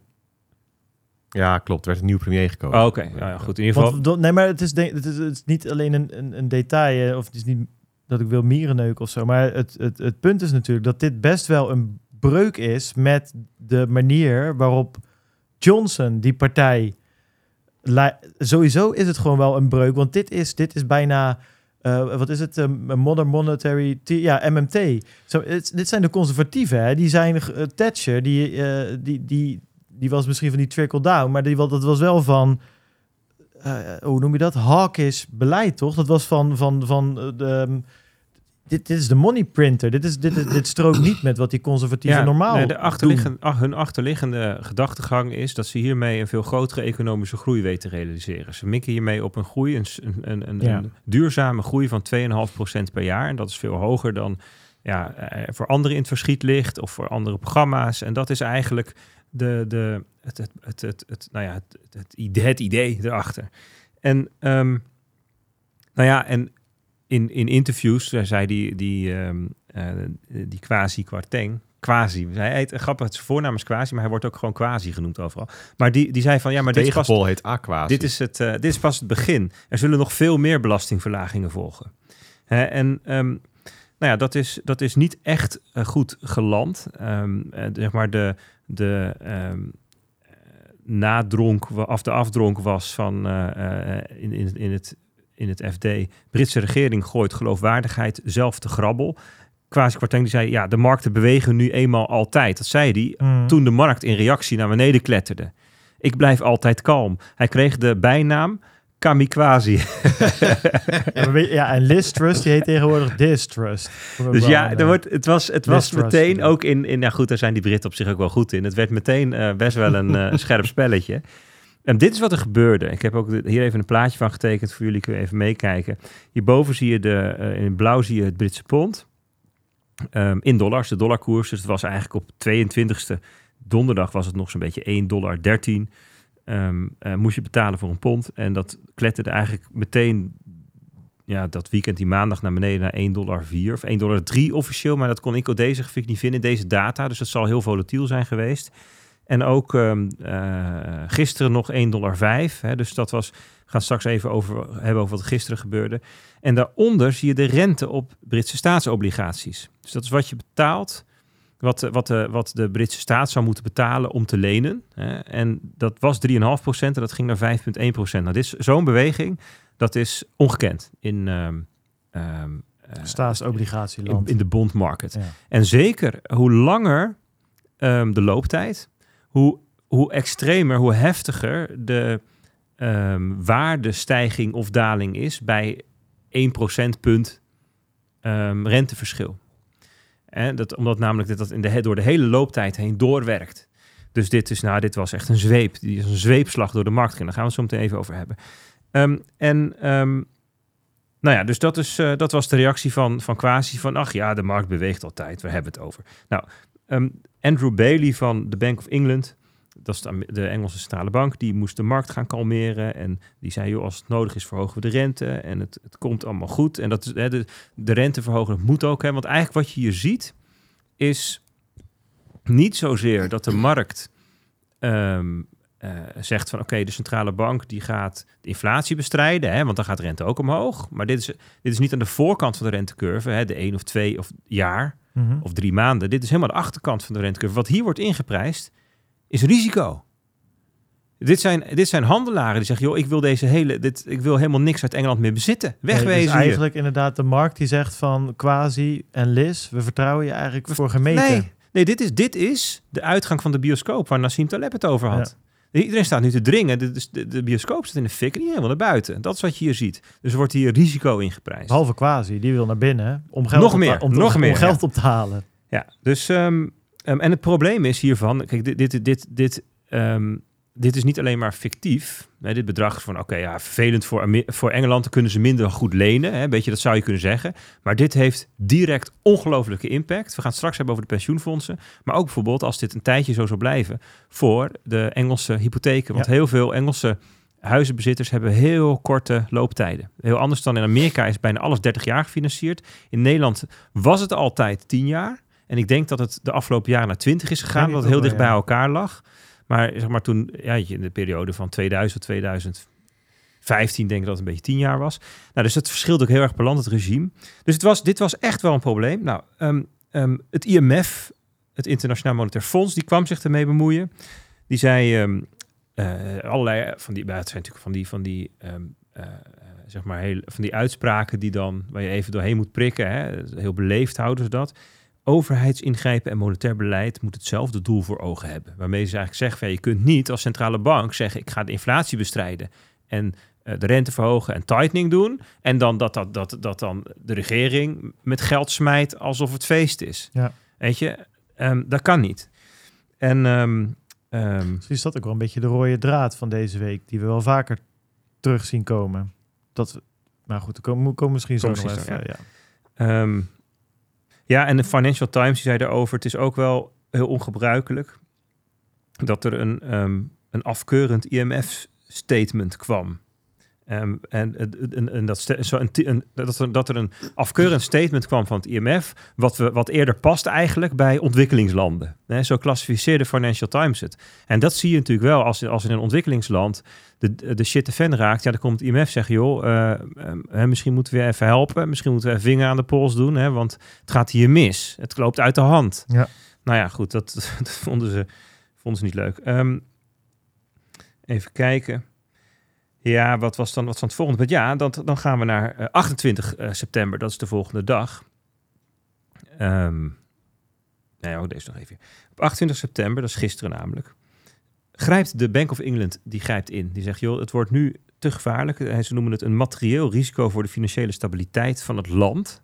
De markt was dysfunctioneel geworden. Ehm, en dat, eh, dat zeiden ze dus rond die 5% rente. En dat is, weet je, toen, toen, toen, eh, toen ging het stuk. Het ging stuk. De, het financiële stelsel in Engeland ging stuk. We gaan het zo meteen hebben over hoe het stuk ging. Want dat is wel interessant eigenlijk hoe dat dan ehm, eh, werkt. En ze gingen ingrijpen, zeiden wat wij gaan doen de komende 14 dagen volgens mij. Twee weken gaan we, of dus 10 werkdagen, ja precies, gaan we elke dag eh, voor 5 miljard pond aan obligaties opkopen. Maar dat blijft toch bij mij ergens... QE, hè? Eh, ja, Zouden dat, zou je dat kunnen noemen, ja. voor- eh, gewoon heel, heel kort, voordat we weer verder gaan. Eigenlijk wat jij net zegt, Peter, dat is eigenlijk ook wel als ik dan in, dat, in, in, in zo'n DNB-jaarverslag eh duik en in die brief van Klaas Knot, waar we het nog over gaan hebben aan, eh, aan minister Kaag van Financiën. Heel veel van die dingen denk ik ook, waar, waar, waar zitten je hersens dan? Zeg dus, maar dus letterlijk dat, dat, dat he- hele land staat al in de fik, eh, eh, de, de, de UK, Engeland al in de volksmond. En dan kom je daar als nieuwe premier. En het grappige is, om even snel even zitten kijken. Dit waren ook haar, niet haar verkiezingsbeloftes. Hè. Die verkiezingsbeloftes om aan de macht te komen was dus van... we gaan juist die households helpen en die energy bills en dat soort dingen. En dit hebben ze eigenlijk gewoon er opeens bij getoverd. Maar hoe... Ja, maar ook om, het, om, ehm, om te compenseren voor de pijn van de inflatie. Jongen. Iedereen meer geld ter beschikking. En dat, dat is wel het verhaal. Kijk, sterker nog, zegt, je zegt van je moet toch een gat in je hoofd hebben. Eh, minister Griffith die zei dus nog nadat het gebeurd was... We think they're the right plans because those plans make our economy competitive. Dus dat ze, geloven zijn ze echt van overtuigd. Dat het Ja. gewoon een goed idee is. Ja, kijk, dat je met die dat je geld leent of, eh, of bijprint of whatever om die, om die energierekeningen van, te kunnen betalen. Oké, daar Maar kan die, ik. die trickle-down strategie, daar snap ik heel weinig van. Nee, precies. Nou ja, Dus die 60 miljoen of wat, whatever ze daar nodig Kijk, eh, voor nodig hadden. Wat heel veel, ehm, ja, het is even een klein zijpaadje, maar Oh, ja. wat, wat, wat heel ehm, eh, wat problematisch is, is dat ze daar nu ook met een hele hoge inflatie zitten en een best wel krappe arbeidsmarkt. Die combinatie is dodelijk. Hè, want dat, is- dat is het hele verhaal van Jerome Powell is, ik ga door met pijnigen totdat de arbeidsmarkt eh, bezwijkt en de werkloosheid, werkloosheid oploopt. Want de component van loongroei in inflatie, die is verneukeratief. Ja. Die is moeilijk weg te krijgen. Nou, wat, wat doen ze nu in Engeland? Door zo, eh, nou ja, wat de plannen dan zijn. En weet je, in their defense, dat zou ook pas volgens mij over een paar jaar komen. Dus er zijn ook wel allemaal mits en maren bij. Maar door zoveel geld weer in de economie te stoppen, ga je dus juist zorgen dat er meer consumptie komt en dat er meer mensen hun baan kunnen houden en dat die inflatie niet omlaag komt. Ja. Dus dat, dat, dat, is, nou ja, dat is het grootste bezwaar. Goed, dus ehm, de Bank of England grijpt in door te zeggen, alleen door te zeggen dat ze die opkoopprogramma gaan doen. Ze zeiden zelfs bij vanmiddag om vier uur of zo. Ze- ze- En ze zeiden dat 's ochtends meteen. Een soort pump-and-dump call. Ja, nee, maar, nee, maar meteen Eigenlijk wel, ja. ging het naar beneden. En ik, Ja. ik begrijp dus dat er allerlei handelaren zijn die 20, 25 procent in een paar uur tijd hebben verdiend op hun bonds. Want ze zeiden, het is gewoon heel simpel. Je koopt het op 5 procent. De yield gaat naar beneden. Met andere woorden, de waarde van je obligaties gaat omhoog. En daarna verkoop je het weer. Dus het is natuurlijk heel vreemd. De markt die frontrunde hun meteen. Hartstikke idee. Ze hoefden ook op de eerste dag maar voor een miljard eh, te kopen, omdat het toch al laag was. Dus het is een heel merkwaardig, vaag insider trading-achtig gebeuren weer. Maar goed, het is... ehm, Ja, what's new? Dat is een beetje het Het is punt, een weet soort je wel. toegestane marktmanipulatie. Maar wat dan wel weer grappig is, hè, ze hadden eigenlijk, waren ze van plan, om de dag daarna met QT te beginnen. Ja, dit is teruggetrokken, deze... ja, Ze, de, de- Andrew Houser, dat is eh, een van de mensen van Bank of England, die zou een speech geven over de, Ja. de quantitative tightening. Die zou starten. Nou, daar hebben ze hem uitgesteld. Dat hebben ze in 31 oktober uitgesteld. De, de- ze hebben eh, de suspend the planned start of its gilt selling. Dus het verkopen van de, van de ehm, eh, obligaties. Nou ja, waarschijnlijk doorrollen, maar in ieder geval QT is afgeblazen. Dus dat is natuurlijk heel, eh, heel, heel apart. En Dan Held die zei, mooi, it's pron- pronounced Great Britain. Ja. Money printer goes Britain. Dus ehm, hier in dit, in dit kader ook nog wel een paar leuke... Ja, vond, vond ik wel grappig. Er waren een paar Amerikanen die, ehm, die, die stuurden al screenshots door van... ehm, eh, dat je voor 1 dollar... wat is het? Nee, voor, voor 1 euro koop je nog maar 0,95 dollar. Dus dat zij aan de winnende hand staan van de parity, zeg maar. En dat, daar stond dan boven... It's, from now on, it's pronounced soccer. Omdat natuurlijk Ja, vanuit, ja, ja, vanuit een soort van Engeland... frietpatat-achtig. Precies. Dus nu is het gewoon klaar. Het is soccer. Voetbal kan je vergeten. Wij zijn de baas nu. Ja, precies. Ah, memes altijd goed. Hey, wat ging er nou echt mis? Waarom besloot de Bank of England dat ze echt moesten ingrijpen en niet konden laten ehm, eh, ont, hè, ont- zeg maar zich ontvouwen? En dat komt door de pensioenfondsen. Veel eh, Engelse pensioenfondsen, overigens in veel andere landen ook, die hebben ehm, de, de strategie dat ze hun ehm, liabilities ehm, willen koppelen aan hun, eh, eh, zeg maar hun verplichtingen en hun bezittingen aan elkaar willen koppelen. Dus zeg van, nou ja, ik wil in, in, in 2030 wil ik gaan er zoveel mensen met pensioen, moet ik zoveel uitbetalen. Dus ik moet zorgen dat de, de obligaties die ik heb, dat die in dat jaar dat er zoveel aflopen. En dat, dat, als, dat ik in dat jaar dat geld beschikbaar kan hebben. En dat kan je doen door precies in al die jaren staatsobligaties te laten aflopen. Zodat ze dan vrijkomen. Dat komt dan op je rekening, kun je het uitgeven. Dat, dat, is, een optie. Wat je ook kunt doen, is gewoon een hele portefeu- portefeuille van staatsobligaties aanhouden. En daarnaast het renterisico eh, afdekken. Want het probleem is, als je een staatsobligatie halverwege de looptijd moet verkopen, dan kan het zijn, omdat de rente natuurlijk omhoog en omlaag gaat, dat die minder waard is op dat moment. Als je, hem dan, als je dan afwacht totdat hij helemaal klaar is, einde van de looptijd, krijg je gewoon het hele bedrag terug. Maar het kan zijn als je hem dan verkoopt, dat je niet 100 euro krijgt, maar 84. En dan heb je te weinig. Dus dat is heel onhandig. Dus dat, het- dat het risico, het risico dat hij tijdens de looptijd minder waard is, kun je afdekken. Dat doe je dan met renteswaps. En dat hebben ze gedaan. Maar het probleem van een renteswap is dat als die onderweg minder waard wordt, of eh, eh, dat, dat je dan Moet bijleggen. onderpand moet bijleggen. Je hebt eigenlijk twee soorten margin. Je hebt de initial margin, dat is wat je eh, aan onderpand moet neerleggen. eh, zeg maar eigenlijk aan het begin van de dag, hè, gewoon op basis van wat die waard is. En dan heb je ook nog eh, aan de volatiliteit gekoppelde margin. Dus op het moment dat er meer volatiliteit is, willen ze relatief meer onderpand hebben. Ja, die koers van die. ehm, eh, hè, dus die koers die kelderde van die obligaties, omdat die rente zo steeg. En, en, in hun geval, met de renteswaps die zij hadden, betekent dat er heel veel margin bij moest komen. Dus, dus, dus al die banken zeiden tegen pensioenfondsen, dames en heren, kom maar, kom maar door met de collateral. Een heleboel. Collateral, margin. Dit zijn margin calls, hè? Letterlijk, een telefoontje. Ik wil margin hebben. Stort maar bij. Ik gewoon echt liquide ponden in dit geval. Maar hadden ze niet. Wat je dan kan doen, is iets van je bezittingen liquideren en ponden kopen hè, daarmee.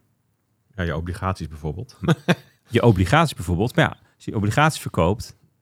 Dan stijgt die koers nog ver, die rente nog verder. Ja. Dan daalt de waarde nog meer. Dus dan kom je in een soort doodspiraal terecht van het verkopen van obligaties, waardoor de rente stijgt, waardoor er meer margin nodig is, waardoor je meer obligaties moet verkopen, waardoor de rente verder stijgt. Ik En, zie hier weer een, een bioscoopzaaltje voor me. nou, dit was een eh, serieuze bioscoop, maar ze kwamen dus op het En een punt. serieus kleine uitgang dan. Ze kwamen op het punt dat als dit niet gefixt werd, gingen die pensioenfondsen gewoon omvallen. Die waren zoals gewoon einde. Eh, hier is iemand ehm, die zei, eh, even kijken, dat is Ka- eh, Karen Rosenberg, Cardano, Cardano Chief, Invest, Chief Investment Executive. ja, even voor dat is duidelijkheid. niet de shitcoin Cardano. Nee, Cardano is een behoorlijk groot bedrijf. Ja, echt een hele die- grote financial. Ze zitten ook in Rotterdam. Weet ik. Maar die zei, als er vandaag geen interventie was geweest, dan waren de, eh, ehm, eh, de rentes naar 7, 8 procent gestegen. Pensioenspecialist, inderdaad. Oh, de, dat is Car- Cardano's gespe- Oké. Het zijn Nederlands trouwens. Ja. Cardano NL dan, maar goed. En in, in, in- ja, Gozer. Nee, maar dat staat... Sorry, dus je hebt ook Cardano UK. hey, weet je wat je... Je moet, gewoon even tingeling doen als je, als je het echt uitgezocht hebt. ik heb het uitgezocht. Het is een pensioenspecialist. En waarschijnlijk Brits, inderdaad. Maar, maar inderdaad heel groot. Maar hij zei van, ehm, dan zou in dat geval zo'n 90% van de, van de Engelse pensioenfondsen, die zouden ehm, te weinig collateral hebben gehad. They would have been wiped out, zegt hij. Dat is zijn analyse. Ehm, dit is een stukje uit Financial Times. Hoeveel pond zit er in die Engelse pensioenfondsen eigenlijk? Weet ik niet. Weet ik niet. I don't know. Ehm, hij zegt, ehm, hij zegt op, op een bepaald, als we kijken, een senior London-based banker die zegt, ja, er was ergens een moment deze, deze ochtend dat ik echt, echt bang was dat het het begin van het einde was.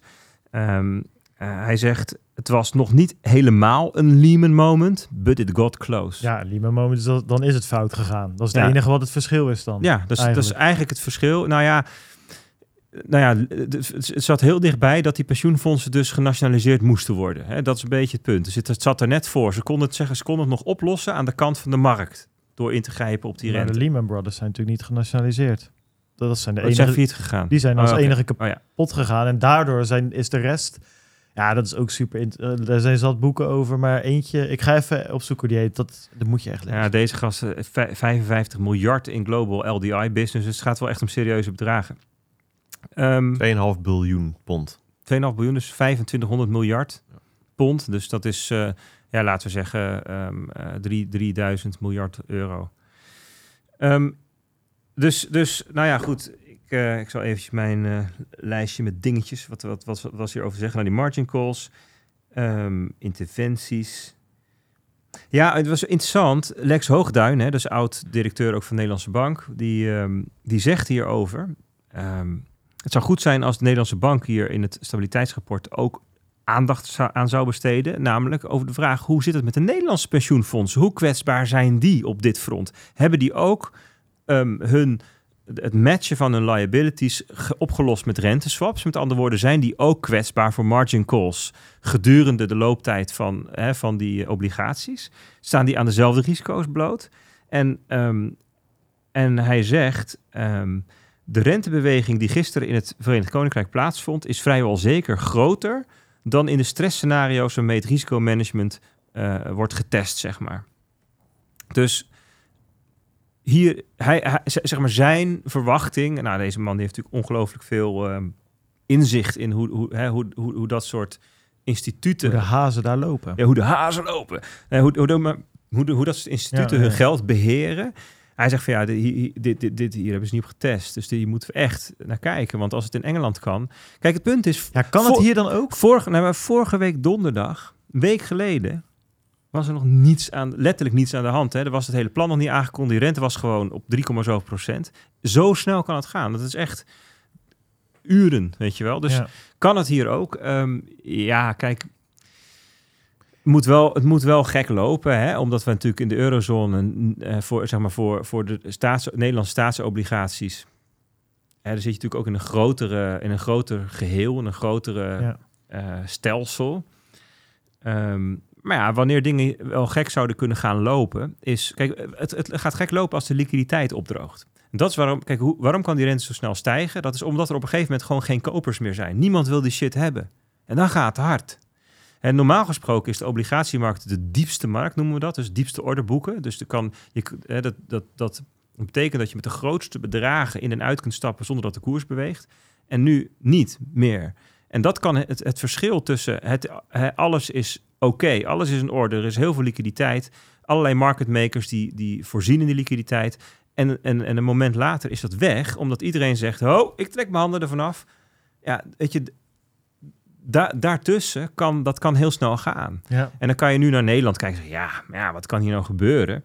Ja, wat kan hier gebeuren? Er kunnen hier dingen gebeuren met bijvoorbeeld energiemarkt. Of ehm, ja, wie zal het zeggen? I don't know. Nou ja, daar hadden we het vorige week over. Toen zei ik ook van... Ja, ja, precies. I don't know. Weten wij veel welke Black Swan de volgende is? Worden er gaspijpleidingen opgeblazen Een- een- gedurende de week? Nee, ja, een- nou, daar heb je er eentje. Een toch? potentiële Ja. Black Swan is Italië. En dus deze week liepen ook de rentespreads tussen Oh ja, Italië hadden we ook en, nog en. Duitsland Die, liepen eh, op. Ja, Italië is uh, Meloni, mevrouw eh, Meloni gewonnen. En ehm, eh, ja, er zijn ook verwachtingen over haar beleid. En die verwachtingen zijn zodanig dat... ehm, Ja, dat hadden we ook nog. Die liepen weer met die Duitsers uit. eh ja, daar worden ze ja. al tegen afgezet. Ja, dus er wordt tegen afgezet. Dus, de, de, dus de, de, zeg maar, het verschil ehm, tussen de 10-jaarsrente in Duitsland en, en Italië. Nou, daar hebben we al twee momenten, hebben we daar al een, ehm, eh, eh, een gesprek over gehad. In juni volgens mij en in juli.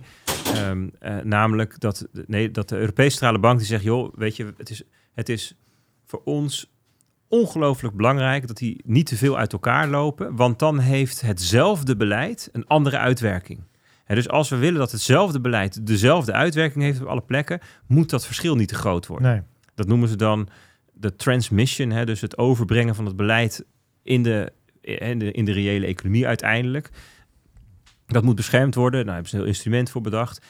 En deze week ging dat er doorheen. En dan gingen zij van, nou ja, dan, dan moeten we dat maar eens gaan inzetten en zo. Weet je. Dus dat, dat, Dat loopt ook nog. daar, daar zou natuurlijk een stukje vandaan kunnen komen. Andere Black Swan, wat hadden we nou nog? meer? Er loopt nog een andere gortige... Dat voor mij, jij, jij had ook een draadje over geschreven, Bert. Die andere loopt toch zo'n gaspijpleiding. eh, eh, Volgens mij is er een gloednieuwe gaspijpleiding. Voor mij van Klopt, ja, Noorwegen naar naar, Polen. Europa of naar, naar Polen. Polen. Maar er lopen er vanuit Noorwegen een heleboel. En, en Noorwegen die voorziet nu in een ongelofelijke ja, bak. stel- eh, Stel nou dat je die ook even... Stuur je ook wat... eh, Ja, er zijn allerlei van die scenario's te kikker, kikkervis, hoe heet die ook alweer? Van die gasten die dan... eh de Kickforsen mannen. Kickforce mannen, ja, kikkervissen. Ah, daar waren, wij luisterden even Boekestein en de Wijk in de auto. En daar ging het over dat het misschien van binnenuit is gedaan. Niet, hè, dus, dus dat er explosieven via In- de in de- gasstroom ja. in de leiding mee zijn gevoerd. En op dat Ja. strategische punt zijn tot ontploffing waren gebracht. Maar je hebt natuurlijk ook nog allemaal datakabels die over de, Ja, dat is over ook de nog vloer van de oceaan Ja, heen. zeker eh. hoor. Ja, dit eh, kan, dit, dit- er zijn best wel scenario's denkbaar waarin, eh, waarin je niet per se heel gelukkig wordt. Maar goed, weet je, dus dit is, dit is, eh, eh, dat is even een ander paadje. Ja, We gaan even naar Ray Dalio. paadje van dood en verderf. Ray Dalio. Ray Dalio is altijd leuk. Ray Dalio is zo'n miljardair die... eh, Die vertelt dat ook alles aan de kloten gaat. nee, maar hij kan wel, hij, hij reflecteert Maar je van- overgrootkinderen, die Ja, zitten ja. dan weer in acht, de... acht, acht die kinderen gaan zitten, weer omhoog. Precies. Maar ehm, die zei, ehm, eh, ja, hij noemde het een eh, fis- fiscal blunder. Ik weet niet waar het nou precies Van? staat, maar een, dus dat betekent begrotingsblunder. Ja, ja, ja. Ehm, de hoeveelheid schuld die moet worden verkocht is gewoon te veel voor de vraag in de markt. Met andere woorden, niemand wil die zooi hebben. Ehm, Nee, want dat is natuurlijk een dingetje. Ehm, als er in dit geval, hè, want de centrale bank van Engeland die had dus eigenlijk gezegd van we gaan QT doen. Dus dat betekent in ieder geval dat we geen nieuwe staatsschuld op gaan kopen. Hetzelfde geldt voor eigenlijk elke andere centrale bank ter wereld, behalve die van, die van Japan. Dat betekent als jij nu als overheid eh, de markt op gaat om schuld aan te gaan, dat er niet meer iemand kopers? is die alles koopt. Nee, dus als je ook kijkt naar de ehm, grafieken van bijvoorbeeld Italië, hè, en eh, die zie je wel eens langskomen, dat waar, wie dan de kopers zijn geweest de afgelopen jaren, of de afgelopen 20 jaar, zie je zo'n grafiekje per jaar. En dan heb je met kleurtjes, en dan is blauw bijvoorbeeld is dan de ECB. Hè, of- Mhm. en dan zie je dat in de afgelopen vijf jaar eigenlijk de ECB de enige koper is. Ja. Hè, weet je wel, ehm, de, rest verwaarloosbaar zou ik maar zeggen. Dus als dat wegvalt, ja, wie wil het dan hebben? Wie koopt er nu obligaties? En ja, dat, dat, dat, dat, dan, dat, is, dat is een beetje het punt. Dan kan het op een gegeven moment heel snel opdrogen. En als, als er niemand meer is, dus, dus er zijn centrale banken die kopen het niet meer, buitenlandse centrale banken kopen het niet meer. financiële instellingen kopen. Ja, wie, wie, Kochten het toch al niet, blijkbaar. Nou ja, die werden soms, hè, dan, dan werd er met QE, eh, werden hun obligaties geswapt voor cash. En dan kochten ze weer obligaties, weet je wel, op die manier. Maar dat is natuurlijk ook allemaal klaar. Nou ja, Ray Dalio die zegt, ik begrijp niet dat de mensen die hierachter zitten dit niet begrijpen. Het it suggests incompetence. Eh, hè, dus zeg maar mechanisch gezien ehm, opereert de Engelse overheid ehm, als een derde wereldland. Nou ja. En oh ja, eh, namelijk het produceert te veel schuld in een munteenheid ja, waar er gewoon niet genoeg vraag naar is.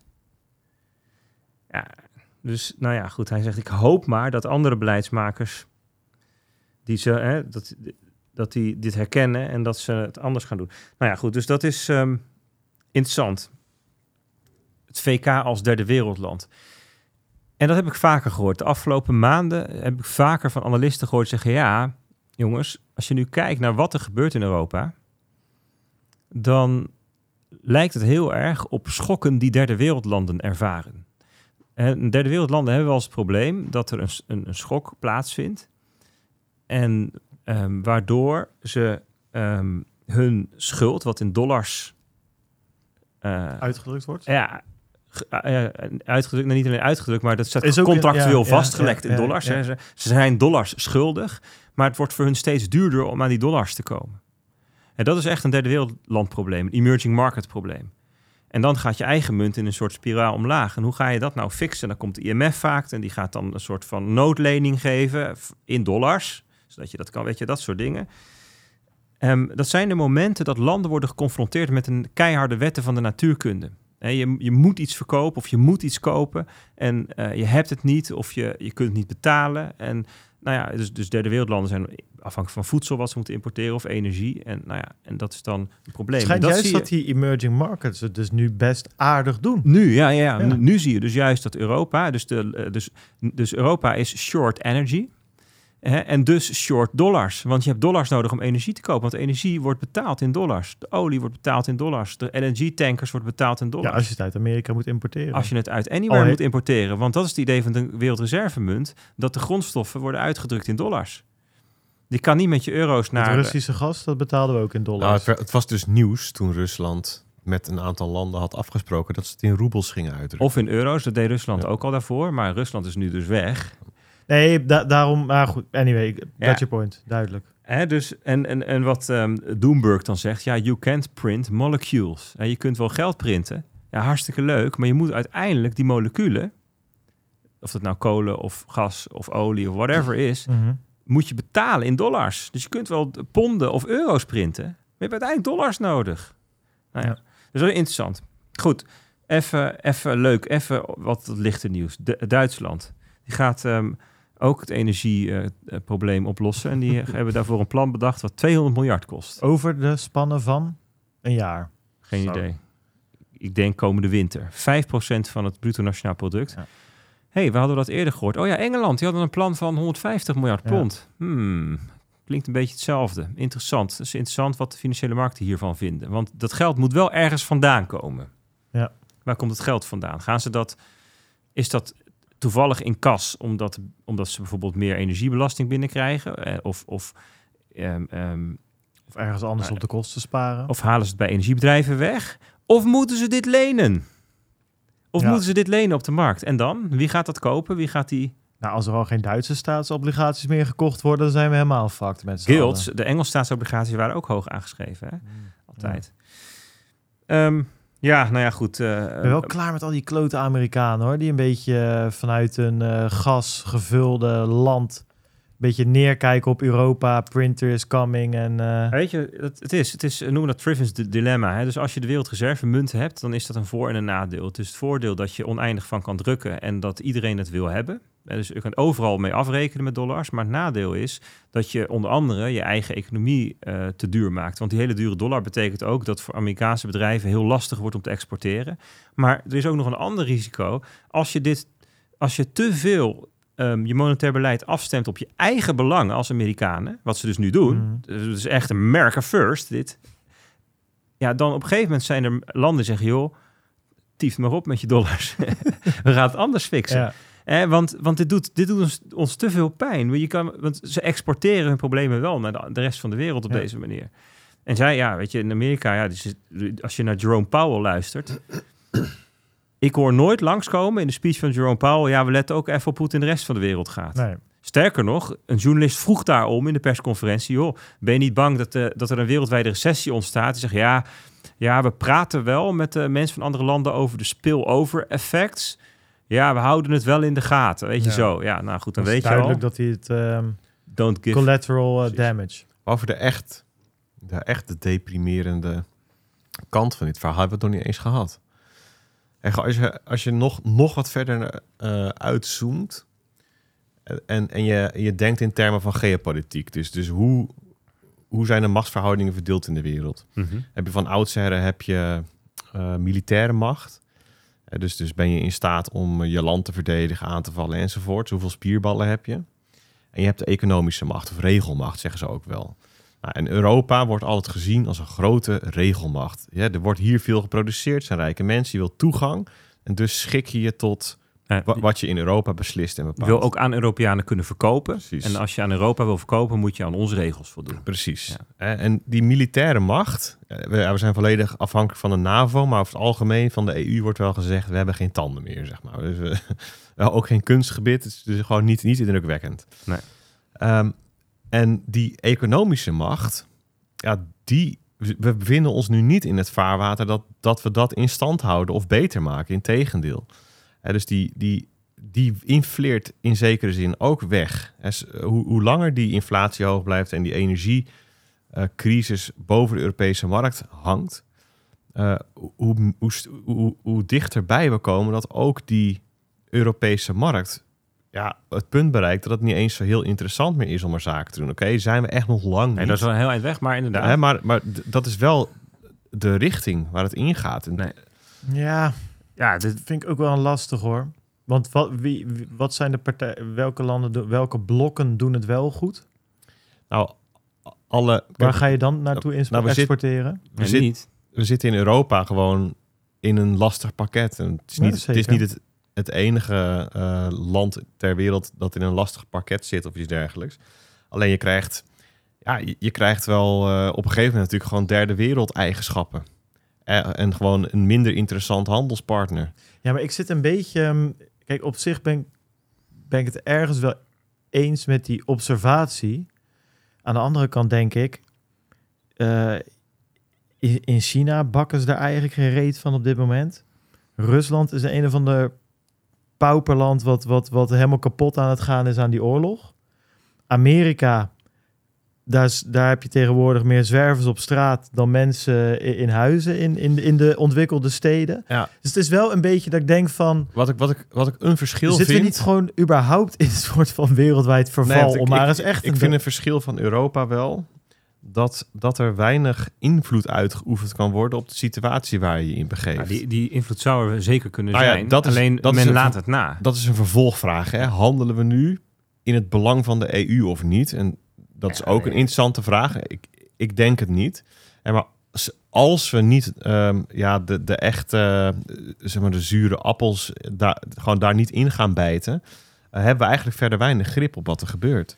Kijk, ik vind het wat betreft de, de, de, de lens waar uh, Balaji Srinivasan door kijkt wel mooi. Die zegt, je moet niet kijken naar wat zijn nou first world en third world of zo. Hè? Of, of developed en developing uh, of emerging markets. Maar je moet kijken naar wat zijn ascending en descending um, ja, landen of maatschappijen, blokken, ja. blokken, economieën. En hij zegt dan van ja, Amerika zit wel heel hoog, Europa. Maar ze zijn eigenlijk aan hun descent begonnen, aan hun afdaling. En China en India kun je wel zeggen... Van, ja, het zijn allemaal van die gasten die daar een beetje in, in zo'n rivier staan te kloppen. Maar het is een ascending.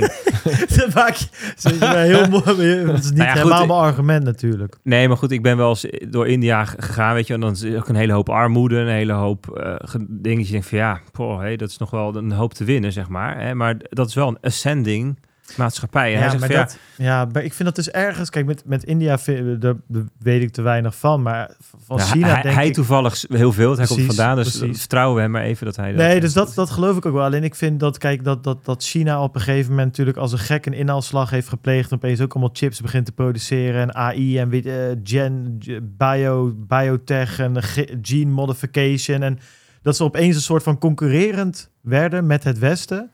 Dat is best wel, eh, ja, dat een beetje boezemt wat angst in misschien en wat schrik.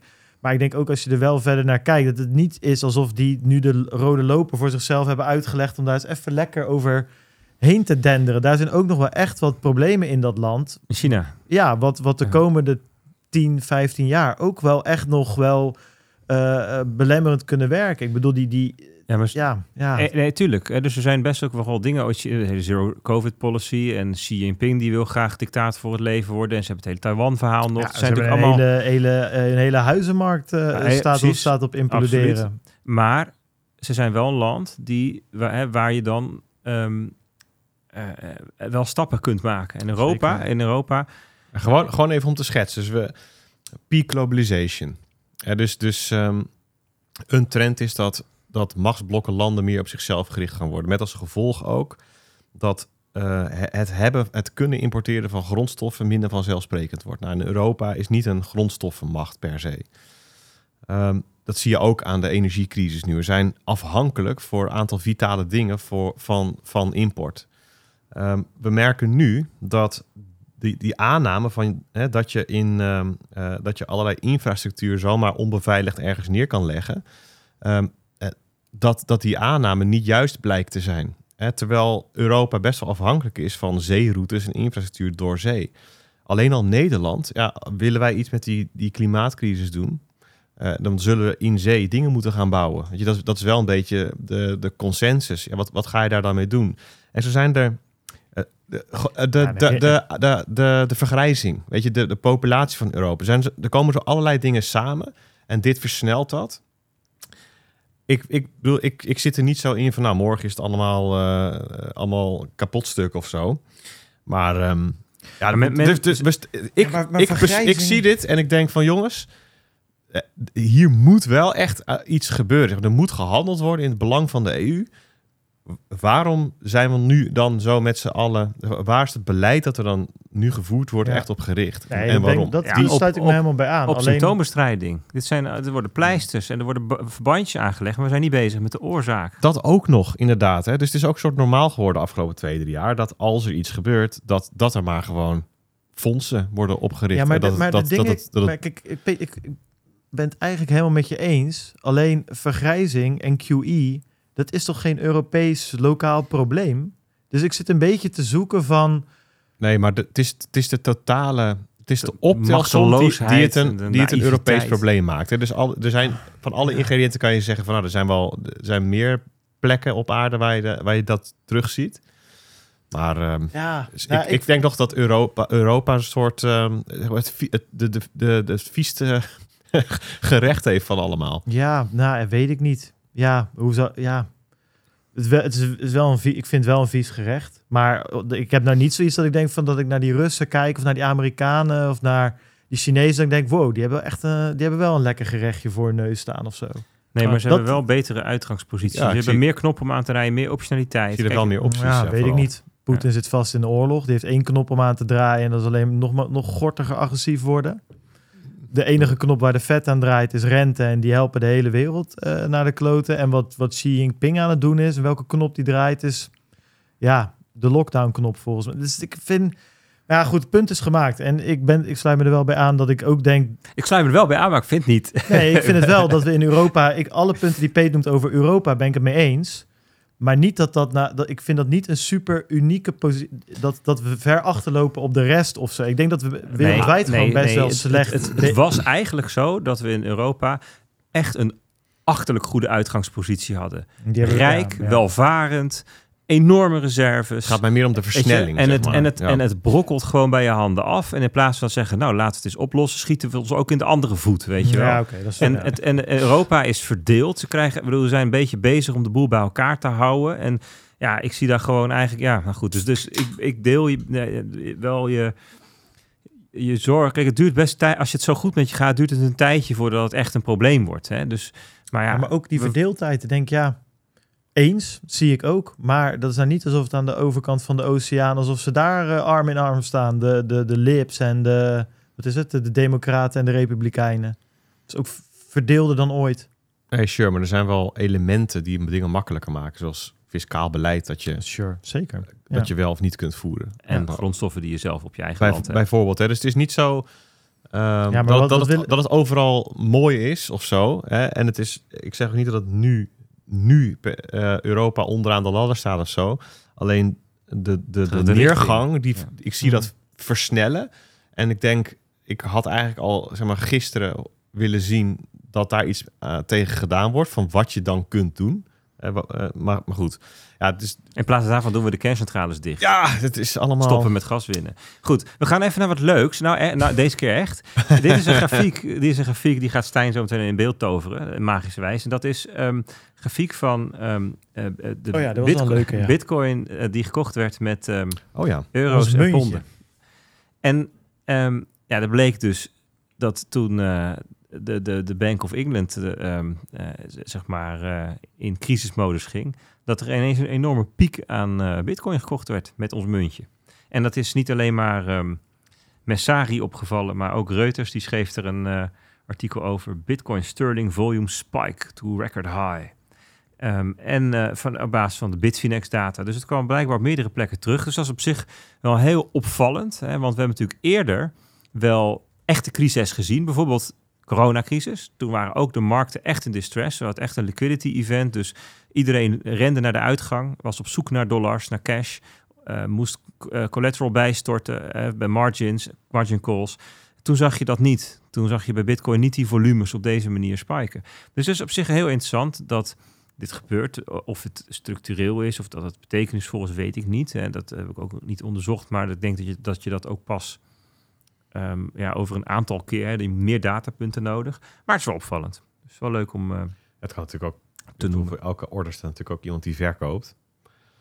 Dus je, dus je, je kunt no- natuurlijk nooit zeggen van Nee. dit, dit was een vlucht van de pond naar de bitcoin. Of zo. Ja, wel, dat kan wel. Omdat je namelijk aan de andere kant van je trade en market maker kan hebben die hem verkoopt. En dan vervolgens via arbitrage weer terugkoopt vanuit dollarparen of vanuit andere. Ja, maar zou je dan niet een sterker effect verwachten? Ja, ik miste de stijging van de prijs een beetje. Nee, van dat hoeft Bitcoin. Dat hoeft niet. Nee, maar daar was dus niet genoeg voor. Nee, nou, dan, vind ik, dan, is het, ja, dan is de vraag, is het dan echt significant? Ja, nou, dat zei ik ook. Dat weten we Ja, dus weten we dus niet. Het is alleen een interessant effect dat er... Dat ja, er Kijk, het, gaat, het gaat hier om een beschrijving van een mechanisme en niet om een prijs. Niet, het, is niet een, het is niet een ehm, marktverhaal, maar een mechanisme. Dat is blijkbaar in die Hey, omstandigheden dat mensen... het nieuws ging, dus ik denk, nou komt die groene pilaar. Nee, die komt, pas, die komt straks pas. Als ik op market buy druk zometeen. ja. Nee, we gaan even naar de Nederlandse bank. Ah, Daar is die. Bart. Ja, Dit, is, dit is Bart's huiswerk van vandaag. Zijn zijn studie, zijn promotieonderzoek. Ja. Eh, want de Nederlandse bank die leidt miljardenverliezen door op, oplopende rente.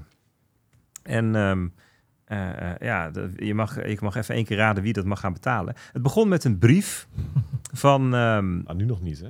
Klaas, daar zullen we Ehm, hebben. van ehm, meneer Knot aan mevrouw Kaag. Kan we een beetje inzoomen, Bert? Een paar, eh, Zeker kan ik dat. Kijk eens Ja, dat- Jo, dat is wel heel veel. Hoppakee. Oh, is die gescand of zo? Ja, voor mij wel, hè? Zoom nog eens helemaal in. Ja, Nee, je kan, Jawel, wel, kijk maar. je kan gewoon een tekst selecteren. Nee, alleen. verder. Ja, dat kan Ja, wel. Maar je kan. kan die tekst, is wel echt scantekst. Het ministerie Nou, van Financiën. En daar, via deze brief informeert ehm, eh, Klaas Knot de minister van Financiën over de negatieve ontwikkeling in de kapitaalspositie van Ja. DNB. Die het gevolg is van verwachte verliezen. Ninja. En ehm, nou ja, de, de, de, de, even kijken hoor. Volgens mij schreef ehm, het FD dat mooi op. Eh, de verliezen lopen tot en met 2026 op tot 9 miljard in totaal. 9 miljard euro. Ja. Dat is eh, serieus money. Ehm, dat komt door eh, QE eigenlijk. Hè? Want ja, we hoe gaan we dit nou... Nou, helemaal, want het is een heel ingewikkeld verhaal eigenlijk wel. Maar hoe kunnen we het nou helemaal kort plat slaan? Eh, renterisico. Ja, want, want vroeger, voor 2015, voor QE, had de centrale bank ehm, verplichtingen en ehm, bezittingen. Hè? En eh, de, de ene kant leende ze geld uit en de andere kant ehm leende ze geld in. En daar Nou zat ja, een positief verschil ja. tussen. Met andere woorden, ze maakten daar winst op. Nou ja, het is eigenlijk zo, er zijn één soort partij dat geld kan stallen bij de Nederlandse bank. En dat zijn commerciële banken. Dan misschien weet ik veel andere financiële instellingen. Maar laten we ze even commerciële banken noemen. ING, eh, Rabobank, noem maar op. Die kunnen geld bij DNB zetten op een deposito. Zoals wij dat kunnen bij de ING of bij de Rabobank. Daar krijgen ze rente op. Ze kunnen ook geld lenen bij eh, DNB. En daar betaal je rente voor. En dat verschil, dat is winst voor DNB. Ja. En daar hebben ze jarenlang gewoon goed mee geboerd. En En, daarmee de dan, eh, Nederlandse sta- staat. Ja, daar kwamen bij ons als burgers weer terecht. Dus hartstikke prima, Ja. niks aan de hand. En vanaf 2015 werd, het, werd alles anders. Toen kwam QE. Ja. En toen ging ehm, DNB, die ging ook in opdracht van de ECB, hè, want zo gaat dat dan, ehm, eh, obligaties opkopen. Ja.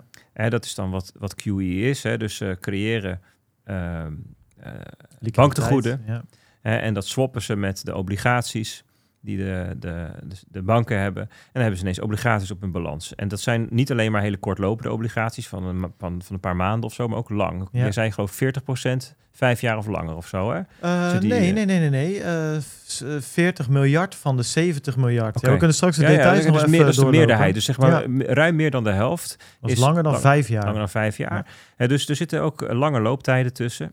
En, ehm, ja, en, en schijnbaar, zeker bij de PEP, de Pandemic Emergency Purchase Program, daar kocht de centrale bank van het land de obligaties van het land. En niet van alle landen Nee, uit Europa. Dus, dus. DNB kocht vooral Nederlands staatsobligaties.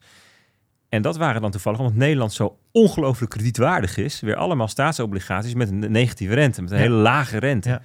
Dus dat betekent dat DNB op de bezittingen van QE geen inkomsten heeft. Misschien zelfs, nee, geen, echt, laten we zeggen, geen inkomsten heeft. Punt. Nee. En er zitten wel wat verliezen op, maar die zijn al genomen. Dus dat is gewoon het verhaal. Niks, geen Ja, inkomsten. we kunnen wel een paar... ehm, eh, p- p- eh, even kijken wat Klaas ervan... ehm Oh, zei, zegt hij dat? Nee, we- kijk, we- kijk, ik heb even... Ik denk Je hebt de... gebeld. Ik heb even gebeld inderdaad. Zeg Klaas, jongen. Even jongen, bellen jongen, met? jongen. Met Klaas. Wat Ja, heb je nou toch al meer? Nee, Klaas in die, in die brief naar, naar Kaag heeft hij eigenlijk één alinea op een gegeven moment waar hij eigenlijk eindelijk tot, tot het punt komt, weet je wel. Hij, eigenlijk, net alsof ik naar mijn moeder ga, ja mam, eh, toen ik student was, het was lastig kwartaal en eh, slechte cijfers. Ja, ik heb het wel gehaald uiteindelijk en dit en dat en het brood is weer duurder. Mag ik geld? Nou, oké, dat is eigenlijk wat, wat, wat Ja. Knot hier ook doet. Ehm, bij moedertje Kaag. Hij zegt, DNB ervaart de financiële gevolgen van deze ommekeer in monetair beleid. En heeft hij dus de ECB die de eh, beleidsrente stevig verhoogd heeft, net als de, de Fed. Eh, net eigenlijk veel centrale banken. Dus dat, dat, die ommekeer monetair beleid. We zien met de onverwacht snelle kentering van het inflatiebeeld en de stijgende beleidsrentes. eh, en daar komt hij met, met punt 1. De vergoeding toenemen die DNB betaalt op de deposito's die banken bij DNB aanhouden. Oké, dat is punt 1 van de balans. Eh, en dan komt hij daarna. Dit terwijl de inkomsten op de aangekochte obligaties niet meestijgen. Het verschil tussen de betaalde vergoedingen eh, en de ontvangen inkomsten is met name groot door de steunoperaties in de reactie op de uitbraak van de COVID-19-pandemie. pandemie. Dus wat hij dus eigenlijk zegt, dat geld wat eh, commerciële banken, wat de ING kan stallen bij DNB, daar betalen ze een variabele rente over. En die wordt eigenlijk bepaald door Door de ECB. beleidsrente. Precies. Ja. Dus die is nu gestegen van min een half naar 0 naar 0,75. Precies. Dus die was eh, in de pandemie zelf, als die, daar, daar hebben we het ook vaak over gehad, liep de ING weer te jammeren van ja shit, we willen geen spaarders meer, want dat geld moeten we eigenlijk We moeten voor betalen om het bij... Ja. precies. Nou, maar daar krijgt eh, de ING nu opeens geld voor. Dus die rente, die kan best wel snel, binnen een half jaar, Ja, kan sterker nog, de volgende stap is waarschijnlijk weer 75 basispunten. Dus gaat hij Precies. naar anderhalf procent. precies. En de terminal rate waar ze op uitkomen, de, de verwachting is nu geloof ik 2 à 3 procent. Nou, ja, dat zijn natuurlijk op miljarden, zijn dat serieuze... ja, en tikt dat aan. daar verwachten we binnen een half jaar, Ja, ja, een ja, jaartje, ja, maanden. Kwestie van maanden. Dus dat kan best wel snel stijgen. Eh, dan de andere kant zegt hij dus de inkomsten op de aangekochte obligaties, die stijgen niet mee. Nee, die zijn wat ze zijn. Precies, dus ze hebben die obligaties gekocht in, die, eh, in, de, in de pandemie. Hebben ze dus voor, volgens mij voor 80 miljard aan Neder vooral Nederlandse staatsobligaties gekocht. Eh, en en daar is- DNB heeft in totaal voor 240 miljard aan obligatie op de balans. Ja, precies. En, en de PEP, dus de Pandemic Emergency Purchase Program, dat was dus nog eens 80 miljoen. En dat is even belangrijk, omdat we daar miljard, sorry, omdat we daar precies van weten wanneer die aangekocht zijn. Dus daar weten we ook ongeveer dat die rente daar sowieso niet positief is geweest. Mhm. Dus daar verdienen ze eigenlijk niks op. Klopt. Eh, en dat zijn dus wat ik zei. Nou, laten we zeggen van de, van de 70, 75 miljard. 60 is twee jaar eh, en langer. Eh 60 miljard. 40 is vijf jaar en langer. En pak een beetje 20 is 10 jaar en langer. Dat staat nog wel even vast. Dus als zeg maar die ECB-rente om- omhoog gaat, dan moeten ze op die deposito's moeten ze opeens vrij hoge rente gaan betalen. Terwijl die obligaties, dat, daar komt niks uit de komende 10 jaar. Nou goed, dat is dus wel een flink, ehm, eh, flink, eh, flink issue. Ja, en dat gaat dus om heel veel geld. En dat betekent Ja. dat eh, de buffer die zij hebben, die is, die is echt maar 2% of zo, hun eigen vermogen ten opzichte van dit risico. Ja, dus die is binnen de kortste keren op. En wie mag er dan bijleggen? Dat zijn wij. Burgers. Ja, nou ja, inderdaad. En wat, wat hier nog wel interessant aan is, er zit Ah, dat, is wel, een... dat is wel een kwestie van jaren, geloof ik. Nee, komende paar jaar is dat. Ja, precies. Het is niet, het is Niet morgen, dat, nee. Het is niet dat dit jaar al, want ze hebben reserves van tientallen miljarden, geloof ik. Nee, nou, nee, 13 nee. miljard geloof ik of zo. Ik weet Nee, niet. nee, ze hadden voor dit expliciete ri- risico hebben ze 2,8 miljard staan. Ja, en nog, iets, voorziening. ja. nog 9 miljard erbij voor... Ja, dus 13,7 miljard zijn de totale risico's. Voor het belang. Nou goed, in anyway, dit gaat. eh, De, de conclusie van eh, FD en Follow the Money schreef erover Ja. is: dit komt uiteindelijk bij de belastingbetaler terecht. Waarbij we moeten aanmerken dat de belastingbetaler ook eh, profijt heeft gehad van de lage rente. Die weer het gevolg was van die opkoopprogramma's. Nederland heeft 28 miljard aan rente uitgespaard door die hele lage Ja. rente met het lenen. Dus het is ook een beetje ehm, ehm, opwinding, zeg maar, eh gebiased hè, daarin. Maar Even één, één dit, we hebben namelijk een toezegging gedaan aan het begin van de show. Als, als er iets met Tom is en we kunnen hem aan het woord laten, moeten we dat doen. En Tom die heeft een vraag. Aan Nou, Tom. Nee, aan ons. Ik, bedoel, ik draai het gewoon even om. En hij stelt hem in de chat. dacht van, nou weet je, dan kunnen we hem ook gewoon in het echtje laten Ja. vragen. Tom, zeg het eens. Pak de mic erbij. Kunnen we hem ook nog in beeld hebben? Dat zou helemaal Ja. fantastisch zijn. Daar is hij hoor. Dat is dan weer minder.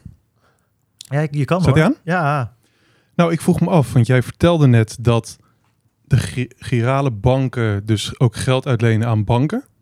Eh, aan de bank. consument, zeg maar. Centrale- Nee, wacht. De centrale bank, de Nederlandse bank, die leent geld uit aan commerciële de bank. ING, zeg maar. Ja, ja.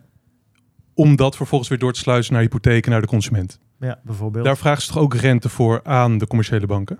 Ja. Kunnen ze daarmee niet gewoon compenseren? Want de commerciële banken die verhogen de rente ook. Ja. Ik neem aan dat de centrale bank of DNB dat dan ook kan doen. Of al doet. Ja, maar dat bedrag is dus een heel klein stukje, blijkbaar. En de, de, het- het geld wat de Nederlandse bank eh, uitleent aan commerciële banken, dat is niet, eh, staat niet in verhouding. Als, dat, als, dat al, als daar al sprake van is. Maar de vraag is ook wat er dan stuk zou gaan.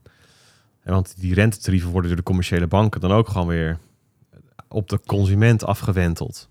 Ja, Eh, dus maar het probleem wat je nu ook nog zag, en dat is ook nog wel een interessante dynamiek. Je hebt dus het zogenaamde OMO-programma om je geld echt wit te wassen. Als je geld echt wit gewassen wil hebben.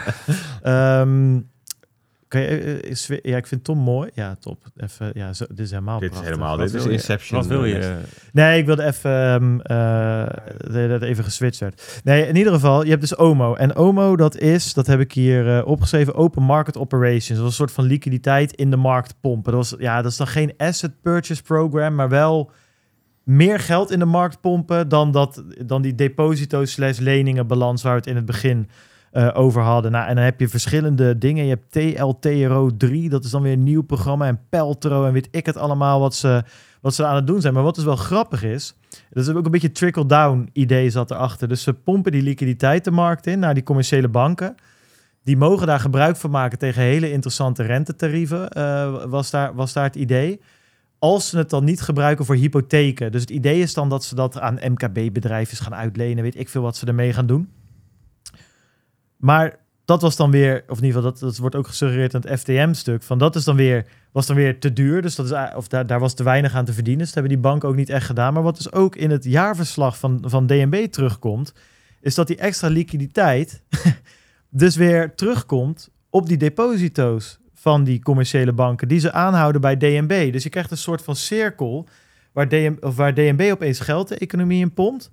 Die commerciële banken die kunnen dat niet op een normale manier in de economie, in de reële economie kwijt. En stallen het daarna weer op zo'n deposito. ja, dat is natuurlijk helemaal kloten voor de centrale bank. Want die hebben, eh, dat staat in het jaarverslag, die, dit soort liquiditeitsacties, die gaan dan met een eh, renteperiode van drie jaar. Die dat was negatief op het moment dat dat uitgegeven is eh, in de, in de coronacrisis. En dat staat nu dus blijkbaar op kortlopende deposito's, waar de rente opeens naar 1,25 gestegen is. Dus dat is ook weer een dubbele, dubbele verlieslatende post. Dus We als je zitten op- nu in het loodgieterswerk van, de financiële, van het financiële systeem. En ik, ik weet er in ieder geval te weinig van om dit goed uit te, te leggen. Dus ik, ik, eh, nou, ik comment dit- hier maar verder niet op. Nee, want verder dan dit het- kom ik ook. Maar het punt komt, komt erop neer. Als je, op de, als je in het jaarverslag van DNB kijkt. Het is echt, ze zijn van, van een winst van, weet ik veel, eh, 900 miljoen of 800 miljoen in 2020 naar 200 of 150 gegaan in 2021. Je ziet allemaal posten daarin dat ze zelf ook aangeven, hier ligt een enorm risico, hier ligt een risico, hier lopen we risico's. Het is echt niet, niet pretty toen ik daar even doorheen las. Dat Ja. ik best wel dacht van poe, poepoe. dat is niet best. nou, Pauw, pauw, ja. En eh Klaasje Knot geeft het nu dus ook aan bij eh Kaag van ja, Maar weet je, het echte probleem is niet die paar miljard. Hè? Want dat kun je wel weer op een of andere... Dat, dat zijn niet de, het soort bedragen waar we aan onderdoor gaan. Maar eh, het echte probleem is dat eh, Europa breed er in totaal voor 5000 miljard ja, ja, ja. aan QE is geweest. Hè? Ehm, en ook ehm, ehm, in landen waar, die, waar het allemaal wat minder misschien makkelijk gaat. En de rente die kan misschien nog heel veel hoger. Want we hebben nu over 0,75 dat is Wie het. weet waar het eindigt. Dat is het. En dus er zit een bepaalde convexiteit, een bepaalde gekromdheid van, die, van Ja, zo'n grafiek. En je weet niet waar het eindigt. Hè? Nee, Dus- maar DNB geeft dus aan dat in die brief zegt eh, Knot ook van we hebben dit, dit scenario stond in onze voorspellingen ja, als meest extreme scenario. ja, en dat is nu het base case geworden. Dus de worst case, dat is nu eigenlijk wat we nu dus krijgen. mijn, mijn punt is daar, Ja. die 9 miljard, eindigt het daar al bij Klaas? Of moet je nog meer hebben? Precies, dus da- daar zit eigenlijk het risico. Dus we hadden het net eventjes over ehm, ehm, hoe zou dat dan in Nederland mis kunnen gaan. Nou, er zijn dus allerlei manieren te bedenken. Nou, en wat is dan, kijk, het punt hier is, en daarom is het wel aardig, het is vergelijkbaar met de situatie in Engeland. Ehm, de, de, de, de, de, de Nederlandse bank, ja, die, je zou natuurlijk kunnen zeggen van ja, als je van eh, eh, problemen oplossen, dan verkoop je toch al die staatsobligaties. En dan ben je er vanaf. Maar ja, het punt is, als ze die verkopen, moeten ze het met heel veel verlies verkopen. Ja. Want je zit weer met die rentes die hoger zijn dan de contractsrente. Dus is de waarde gedaald. En ze kunnen het dus ook niet verkopen. Dus het hele punt was eigenlijk van dat dat niet uitmaakte, want een centrale bank houdt ze vast Tot totdat ze, ja, precies. Maar ja, dan moet je wel eh, li- voldoende liquide zijn in, in de tussentijd. En dat is. eh, Dus eigenlijk hetzelfde als met die pensioenfondsen in Engeland. Hè. Dus die hadden ehm, de obligaties die ze hadden, die klopten niet één op één met hun verplichtingen in de toekomst. En daar hadden ze dat hadden ze opgelost met die renteswaps. En dat brengt ze in de problemen. Nou, nu zie je dus dat de Nederlandse bank, daar komt de looptijd van hun obligaties niet overeen met de snelheid waarmee de rente van de commerciële banken verandert. Ja. En dat brengt ze nu in de problemen. En dus je ziet dat er, ja, er worden, er worden, er zijn dus risico's genomen, verborgen risico's. En het werkt allemaal fantastisch. On the way up en on the way down ontploft het. hey, waar hebben we dat eerder gehoord? Terra. Terra en Luna. fantastisch. Het werkt fantastisch on the way up. Maar ja, als het even naar beneden gaat, dan blijkt ineens dat het systeem onhoudbaar is. Hmm. Hmm. Ja, het is makkelijk om commentaar te hebben op Terra Luna. Stelletje idioten. Maar ja, eh, eh, het pensioensysteem in Engeland en de Nederlandse bank. eh, In essentie hebben ze dezelfde type problematiek. Ja, als alles goed gaat, als de zon schijnt, dan is het, eh, werkt het allemaal prima. Ja. Ja, het, het enige, het moeten we maar eens aan Teunis vragen of zo. Het enige wat, wat ik dus nog interessant vind en waar we niet helemaal uitkwamen, is dat blijkbaar dat hele verkrekte systeem wat, wat de DNB op zijn balans heeft staan, of wat de DNB haar balans noemt, dat, wel, dat werkte allemaal wel op het moment dat blijkbaar die rente op die kortlopende deposito's van commerciële banken, toen die nog min 50 basispunten was of 75, whatever, 50. toen hadden ze blijkbaar daar genoeg inkomsten aan om die andere zooi die ze met min 1%, min 50, eh, of 0,50% langlopend hadden vastgelegd, dat dat een beetje zichzelf uitmiddelde. En ik vind het best wel schokkend dat dus met een rentestap van 125 basispunten, dat je dan dus met een, met, met, met een gat van 9 miljard op drie jaar zit. Ja, misschien is dat een prognose van de, de huidige prognose van hoe de rente gaat Ja, lopen. dan moeten we eens even navragen bij Teunis. Ja. Anyway, dit, eh, dit is dit. Ja, dus nou, dit was Klaas. Eh, Dus dit was de brief, die stuurde Klaas naar eh, Sigrid. Sigrid jongens. Klaas. Sigrid Maar toen, ehm, en toen, toen, toen werden ze wakker, wakker in België. Want in Oh België was precies hetzelfde aan de hand. Daar is ook een centrale bank met exact hetzelfde verhaal. Alleen de helft van, van de aandelen is in handen van het publiek. Ja. En die, die lazen dat en dachten... Alright, Wegwezen. wegwezen. En die dumpten die Deze aandelen. film is klaar, dachten ze. ja, Centrale Bank van België verliest 40% van zijn waarde. Ja, goed, eh interessant. Weet je waar je goed geld kan verdienen? Dat je gewoon grote bioscoopuitgangen gaat bouwen. Dat is echt, als je kijkt, het is een na de ander waar ze... Dat doen centrale banken toch? Ja, dat is ook weer zo. We maken hem even af. Ehm, Jim Bianco die schreef Dot Eh, Eve, over die, eh, de- behandelen we niet. over eh, de bond market. Hij zegt, it's, it, ehm, all is not well in the bond market. Ehm, en dit gaat over de volatiliteitsindex. Hij zegt van ja, kijk eens naar het niveau. Dat hebben we vaker gehad, namelijk met corona en in de Great Financial Crisis. Hij zegt ehm, de liquidity is worsening, gemeten door Bloomberg. Nou, dan krijg je een niveau vergelijkbaar met 2020, t- eh, t- eh, 2011. Eh, financial stress indicator is getting worse. Ja, dat zijn wel, wel plaatjes. Kijk, dit is wel interessant. Dit is een grafiek van ehm, alle, zeg maar, alle jaren sinds 1990, denk ik. Ehm, hoe de waarde van een mandje eh, obligaties door het jaar heen is veranderd. Oh, niet goed dit jaar. En blauw is, nou ja, het is niet het slechtste jaar eh, sinds 1990, als in van de onderste, maar dit is met hele grote afstand het slechtste jaar. Dit is een categorie op zichzelf. Hè? En ehm, dat is denk ik wel wat we ons moeten realiseren. De, dit, dit, is, dit is echt extreem wat er gebeurt op de obligatiemarkt. De snelheid waarmee dingen veranderen, dat, daar zijn ehm, de modellen van... En, en dus ook blijkbaar de, de, de, de, de beschermingsstrategie, de hedging strategy, zijn hier niet op ingericht. Want dit is niet normaal hoe snel het gaat. Dit is een grafiekje van de drawdown Dat is ook gewoon een bloedkleur van, dit. van, ja, Alsof die met bloed ja, getekend is. van marktkapitalisatie van zowel van de combinatie van equity en fixed income. Fixed income is obligaties. Ja. En wat je in het verleden vaak had, bedoel 2020 was niet fijn en 2008 ook niet, maar dan zag je dat als aandelen crashen, dan doen obligaties het goed en andersom. Dus die heffen elkaar een beetje op. Dat is het hele idee achter de, de 60-40 portfolio. Hè? Ja. Een, een, een, een stuk aandelen en een stuk obligaties en dan kan dat. Maar nu gaat alles dus door het putje. Ja, dit is ook weer zoiets je zegt van nou, dit is dus exceptioneel waar we nu zitten. En ik denk dat dat wel belangrijk is om ons te realiseren. Het is exceptioneel. Nou, hier zegt Macro 11, die zegt nog van ja, ehm, er komt ook een refinancing probleem aan voor Europese bedrijven. Deze grafiek laat zien wat het verschil is tussen de, ehm, eh, hoe de huidige schuld is gefinancierd en hoe het nu zou moeten worden geherfinancierd. En dat zit dus nu twee, ehm, eh, 2,5% punt hoger. Dus als een bedrijf nu zijn schuld moet herfinancieren, omdat het afloopt, is dat, dan gaan ze dus 2,5% punt meer betalen gemiddeld. Dat is ongelooflijk veel. Hè? Ehm, eh, eh, als je, het hangt een beetje van, kijk, als je een miljoen hebt geleend en je bent eh, 100 miljoen groot, en dan is het misschien al niet zo spannend. Maar als je heel erg gefinancierd bent met schuld, is dit een groot probleem. Ehm, nou ja, dus dat zijn even wat signaaltjes om aan te geven ook mensen van, De- eh, het einde is dichtbij. nou ja, nee, maar goed, kijk, het punt is, het punt van, van deze tweet, hè, printer is coming, is dat mensen kunnen hiermee het idee krijgen, en dat, dat lees ik ook op Twitter. QE komt eraan, dus het einde van de bearmarkt, want als QE komt, gaat alles weer omhoog. Vergeet het maar. Dit, dit, deze, Het laatste vleugje. Nee, maar, omhoog. nee, maar deze obligatie, deze opkoop, deze, dit ingrijpen, dit is niet ehm, om, om ehm, de wereld van liquiditeit te voorzien, om het te stimuleren. Dit is acute stress wegnemen. Dit is crisis oplossen. Dit is brand blussen. Hmm. Hè? Dus, ja, weet je, een gewaarschuwd mens stelt voor twee. Als we Kijk, ooit nog een keer een boelmarkt krijgen, dan verkoop ik mijn bitcoin. Laat ik een soort van tunnel of zo graven ergens. Nee, dan zit- onder de Veluwe.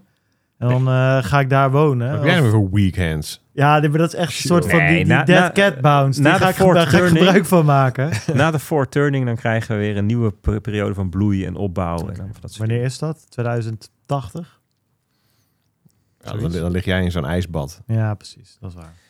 Nou ja, we kunnen nog duizend dingen behandelen, maar volgens mij moeten we hier maar eens bij houden, joh. Ja, ik vond het goede. Ik deed het echt. Ja, kijk, aan de ene kant, ik moet wel zeggen, na zo'n uurtje ehm, doom en gloom, dan eh, Als je er ben ik nog... ook weer, weer klaar mee. Maar ik vind het is ook weer reuze interessant of zo. dat vind ik het lastige eraan. Vind je niet? Nou, nog eentje dan. Ik zag deze. Ja, en in Amerika loopt de, de, de hypotheekrente ook onwijs op. Hè? Bijna 7%. Het was 7% gisteren. Eh dat was 27 september, eergisteren. Nu 6,8. Deze eh, heer had uitgerekend... als je 600.000 dollar moet lenen... dan ehm, kostte dat 2400 dollar per maand in 2021... en nu 4000 per maand. Dus ik dacht, ik doe datzelfde even voor Nederland. Dus ik pakte de hypotheekrente van eh, oktober 2021... Van de Rabobank. De Rabobank, 10 year vast, 1,36 procent en nu 4,13 procent. Ja. Dus ik denk, ik zet dat ook even op een rijtje. Dat heb ik natuurlijk weer een foutje gemaakt in mijn berekening. Seppe Bosma, die eh, Natuurlijk zag weer. dat. Ik mag Hey. hopen dat dit een uitzondering is. Ja, eh, dat- Anders valt een Nee, ik, beetje maak ons, nooit, eh, ik maak nooit foutjes, behalve als ik een tweet erover plaats. Dan zit er natuurlijk... Maar ehm, met 450.000 euro, want dat is ongeveer de gemiddelde huizenprijs in Nederland. Nou ja, 1,36 procent. En dan doe je een annuitair. Hè, dus Ja. dat, dat, je af, dat je bedrag gelijk blijft en je aflossing en je rente, dat dat eh, verhouding verandert. Kost 1480 euro. Nou ja, eigenlijk ja, en ook dat je af- 1500. eh, en ook dat je aflost. Ja, ja, nee, dus aflossen, aflossing en je rente die veranderen in verhouding, zodat je aan het eind alles Ja, aflost. en maar ook gewoon het aflossen is ook wel een specifiek ding daaraan. Aflossingsvrij st- stuk, wat natuurlijk de tegenhanger is. Ja, nee, dat mag niet meer tegenwoordig. Mag wel. Ik heb mijn huis voor de helft eh, aflossingsvrij. Oh, dat het niet meer mocht. Oh, dat mag niet meer. Nee, dan mag je niet meer alles aftrekken voor de hypotheekrente. Nee, dat niet. En je mag het, eh, 50% is ook de max volgens mij. Maar, Maar ik goed. ben er blij mee hoor. Ik bedoel, eh, dat is het enige fijn aan die inflatie. Dat eh, Ik, ik kijk nu even naar wat je doet als je gewoon annuitair, dus met doet. verantwoordelijk bent. Ja, ja Dan- zo werkt het niet meer tegenwoordig. Dan is het Bert. v- Je moet- 1500 euro was het. En het is nu zeg maar 2200 euro. Wat Ja. je moet betalen voor hetzelfde huis met de veranderde rente. Nou, dat is de vraag. Je ziet ook, hè, anekdotisch wel moet ik zeggen, maar her en der zie ik toch wel fundaplaatjes voorbij komen dat dezelfde huizen waren 7 ton, zie ik nu voor 6. Ja, is dus nog niet. Nee, dus als je- Ja, dat is anekdotisch ongetwijfeld zul je gelijk hebben. Dat is het idee. Maar als je dus kijkt naar de data, dan is dat nu nog niet ja, maar dat is een le- hand. indicator, Bert. Oké. Huizenprijs, lagging indicator. De huisprijs is een lagging indicator van de huizenprijs. Ja, Ja, ja, ja. deze, deze, deze mag je echt serieus op je wc hangen ingelijst. Ja, Ja. maar het is Drol, natuurlijk wel- drol is ook een legging indicator Nee, kijk, wat dit- je gegeten hebt. nee, maar dit, ja zeker. Maar dit is natuurlijk wel, het, het, het- dit is wel natuurlijk het, het idee dat de vraag. Zeg maar, heb ik nou, kijk, ik heb nu ik heb een eh, hypotheek voor 20 jaar 1,72% annuïteit. Dat is de andere 50%. Hartstikke mooie deal. Behalve als blijkt dat ik twee ton te veel voor mijn huis heb betaald. Dus dat is natuurlijk de Ja. vraag die zich nu, Ja. die we nu beantwoord gaan zien worden in de komende twee jaar. Van hoe ver kakt die huizenprijs in? ja, en dat is dus wat ik hier uitrekende. Van als je nou die 1480 euro pakt, waar je vorig jaar dus 4,5 ton voor leende, Mhm.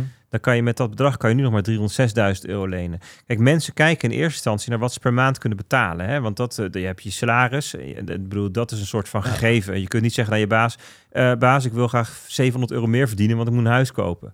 Ja, dat is Nou prima, ja, is jouw dat- probleem. Ja, je kunt het wel ja. proberen. te- je, moet het zo, je moet het proberen. Als ik jou was, zou ik het Dat doen. gebeurt massaal natuurlijk. Ik bedoel, alle Maar- CEO's gaan 10% omhoog. Nee, maar goed, je moet, dit is netto, hè? dus je moet niet 700 meer vragen. Je moet, eh, nou ja, gortig veel meer vragen. Anyway, punt is dus, de kans is natuurlijk heel aanwezig dat ehm, men met de huidige rentes de huidige huisprijs niet meer kan betalen. Dat is eigenlijk het punt van deze Lance Lambert ook. En die zei ook van ja, je kan dus, ehm, je kan het dus niet meer betalen. Dus, dus, gaan die, dus moet die huizenprijs omlaag. En dat zei Jerome Powell ook in zijn, zijn speech. Hij zei van, of niet in zijn speech, maar in zijn beantwoording van de vragen. Dus ja, ik wil ook dat de, woning, de woningen eh, in, in prijs omlaag gaan, want ze zijn ehm, oververhit. Is Maar de dan is dus inderdaad de vraag, hoe ver naar die drie ton hè, die jij berekent gaan ze komen? Of blijven ze daarboven? Ja, nou ja, het ING die eh, doet daar een uitspraak over. Die zegt van, nou ja, we verwachten een lichte prijsdaling van 4,5 procent. Hmm. We gaan het zien. Ik denk als die rentes daadwerkelijk nog veel verder gaan oplopen, Dan is dat niks. dan moet ik het nog zien. Dus dan of de huizenmarkt loopt vol, volstrekt vast, echt compleet niet, wordt niks, ja weet je, alleen maar de liquidaties, hè, dus mensen die, eh, die gaan scheiden, ze moeten wel. Of die huisprijs moet omlaag. Het moet Ja. uit de lengte of de breedte komen. Maar goed, dus dat is nog even, eh, ja. Ja, maar je hebt natuurlijk ook, er is gewoon wel een huizentekort. En dat heeft ook ja dat- invloed. En, en dat, absoluut. daar moeten we gaan kijken. Misschien eindig je wel op 360.000. Weet je, dan... ehm, ja, is dat nog lager. Maar, ik denk ehm, dat, je, dat we eindigen met You Will Own Nothing. And you'll be happy. and you'll also not be happy. You'll sleep on the street. Dat is nu een beetje de kant waar ik heb niks en ik ben ook niet gelukkig. Nou, lekker dan. Oh ja, ik, ik wil. Ja, Ze hadden in ieder geval nog happiness beloofd. Maar ja, zit eigenlijk. er niet in. Doe, Stijn, gooi er eens een applausje in. Doe eens eh, even gewoon weer een Doe shot voor ons doe- allemaal. Dan kan ik even al tappen. Doe eens een applausje. Deze, dit is voor de mensen die nu nog gewoon lekker fris en fruitig, vrolijk op de bank zitten. Die gewoon even die een nog geen- gratis applausje. Die, die, die nog niet aan een strop eh, Ja. in, het, in, het, in de trappenkast Nee. hangen. Maar dit, Nee. dit is mooi. Dus we hebben of mensen op de bank die aan de antidepressiva zitten. of mensen die gewoon raspositief in het leven staan. God damn, jongens. Gaat goed hoor. Jesus Christ. Maar bitcoin is al gebodemd, hè? Bot- Bottom is in. Dus Ja, eh, nou. vanaf hier... eh, Nou ja, nee, maar dat, dat, ja, dat is nog een goeie. Dat, dat, dat lusje wilde ik nog even compleet maken. Dat ik, ehm, ja, we moeten het nog een keer verder over hebben. Maar weet je, eh, het ging natuurlijk de laatste tijd vaak van, ja, bitcoin eh, is, is een batterij en dat soort dingen. En, eh, eh, bi- en, kolder, eh, ja. dat is kolder. Maar jullie- jij had een goede aflevering met Danny, eh, Danny Oosterveer en Krijn Soeterman bij, eh, bij de BNR Cryptocast. Dat ging natuurlijk... Oké, het is geen batterij, maar wat is het dan wel in combinatie met gewoon energie en de energietransitie en weet ik het allemaal en, en hoe dat dan kan. Ehm, en ik vind veel van die dingen die daar genoemd worden, bijvoorbeeld hè, dat je die, eh, dat, eh, het afvangen van methaan, dat dat überhaupt eh, gewoon heel belangrijk is in, de in die energietransitie. Of je dat nou met bitcoin miners doet of op een andere manier. En bitcoin miners blijken er heel erg geschikt voor te zijn en whatever. En dat is allemaal hartstikke mooi. Maar ik zie dat uiteindelijk nog steeds als een... Als, je, als we bitcoin zien als een geld wat gemaakt is om tientallen, misschien wel honderden jaren te overleven, dan, dan, dan is eh, Bitcoin als methaanafvanger en zo. Op een gegeven moment hoop ik in ieder geval over twee jaar dat er gewoon helemaal geen methaan meer nergens uitcijpelt. In ieder geval niet in de hoeveelheden die nodig zijn om zo'n eh, om Bitcoin-netwerk online te houden. En dat we ook geen olie meer uit de grond hoeven te, te, te trekken en weet ik het allemaal. En toen dacht ik, ja, maar als we nu dat hele verhaal van Bitcoin ophangen aan, aan, aan, aan, aan dat methaan en aan die transitie. Een transitie is, is tijdelijk, dat, dat zegt de naam ook een beetje. En nu met, met deze dingen die allemaal spelen, denk ik eigenlijk van ja, het verhaal moet gewoon zijn, ja, Bitcoin is die energie gewoon waard, omdat het e- in, in het midden van deze hele klerenzooi gewoon wel duidelijk is wat er gebeurt. Dat er geen, dat ik niet in, in, in jaarverslagen op moet zoeken wat PEP 3 of TLTO 2 Peltro is, weet je wel. Dat soort teringzooi. Dat ik gewoon weet van, er zijn 21 miljoen. Dit is het uitgifteschema. En ik heb ze in mijn eigen zak zitten. En, en daar denk ik toch wel van, dat verhaal mogen we ook best wel achter staan. En als we daar niet achter staan, ja, dan, dan is het misschien geen geld voor 100 jaar. Dan hoeven we ook geen hele verhalen over, ehm, ja, over die transitie en zo te houden. Of zo. Ik heb zoiets van, het staat gewoon goed zo op zichzelf, denk ik. En ik denk dat dat verhaal gewoon prima is. En dat dat eigenlijk... Ja, dat blijft het ook wel mooier. Want ik word natuurlijk in elke emotie ook weer meegetrokken op de korte termijn. Ik weer van ja, dat is helemaal de shit met die transitie. Daar moeten we wat en dat moeten we. Maar uiteindelijk is het gewoon een hedge en goed geld, hopelijk. Een hedge tegen het ineenstorten van het systeem. Ja. Een het falen van Een ander soortig systeem. Maar dat En- zeggen we ook regelmatig, toch? Dus het bestaan van de optie. Ja, we maar weten nog niet hoe je hem ja. aan, moet, wanneer je moet aanwenden en of Maar- je ooit, maar dat die bestaat is het waard. dat is een beetje het eh, tegenovergestelde van wat, wat Bert net zei. Van, eh, dat, dat fragiele systeem werkt goed als het goed gaat. En dat als alles goed gaat, dan zit je soms wel eens van... ja, boeit mij die optie nou, weet je wel? Gaat toch goed? Weet je, dat, Ja. je leeft zelf ook op korte termijn. Eh, het is niet dat ik even mijn emoties voor drie weken of een jaar of vier jaar uit kan zetten... en dat je dan wel verder kijkt. Alsof je in een game even fast forward kan doen. Terwijl nu opeens, ja, als alles dan weer, weer slecht gaat in de wereld... dat je denkt van, ja, nou, ik zie best wel mogelijk... Opeens wordt het heel duidelijk waarom zo'n optie misschien wel belangrijk is. En denk ik, tuurlijk, ehm, bitcoin mining en dat soort dingen gebruiken in de energietransitie is fantastisch. Maar dat blijft een transitie. En ik denk dat gewoon goed geld, dat dat, dat, dat, dat, dat, dat best wel ook wel weer gewoon benoemd mag worden. Van niet alleen van, ja, bitcoin mining, ja, bitcoin, ja, weet, eh, ja, maar, maar is fantastisch eh, om methaan af te vangen of om pieken mee op te vangen. Dat is het ook. Alleen dat is niet, wat, dat is niet het belangrijkste. Maar, en dat eh, komt elke keer nee, weer een eh, beetje naar boven. Pre- preach, brother. Ben ik helemaal, helemaal mee eens. Ja, Tik nou, hem aan nog maar. Ja. Hè, weet je wel? Woe! Maar het is, het is, het is ehm, een uniek dat je een, ehm, een systeem hebt wat niet gemanaged moet, hoeft te worden en gered hoeft te worden. Hè? Dat, is, dat is denk ik het, het, het, het, het, het robuuste versus het fragiele. Ja. Ja, misschien moet het ook wel gered worden, maar het kan niet. Dat is het een beetje. Ja, wel, natuurlijk wel. Alleen dan op andere manieren. Ja, je je kunt, het, je kunt Ja. het alleen niet via het monetair... Ja, ook, ook dat kan theorie. Wel grappig dat Ah. ehm, Stanley Druckenmiller, die zei cryptocurrency, en dat bedoelt bitcoin, zeg ik er even bij, could, could have a renaissance, een renaissance, een, een wedergeboorte if people lose trust in central banks. Ja, dat is een beetje de, opzienba- de, de, de, de epifanie of zo noem je dat? De Ja. openbaring die ik deze week ook een beetje had. Dat ik dacht van ja, Ja, dus- dat inderdaad, ja. Dit, ja, dit, dit kun je heel ehm, zondig bekijken. Maar ik denk niet dat deze situatie nou per se een is waar je... Nee, helemaal niet. Maar toen dacht ik wel van, ja, dit, dit is wel waarom ik het heb, ook.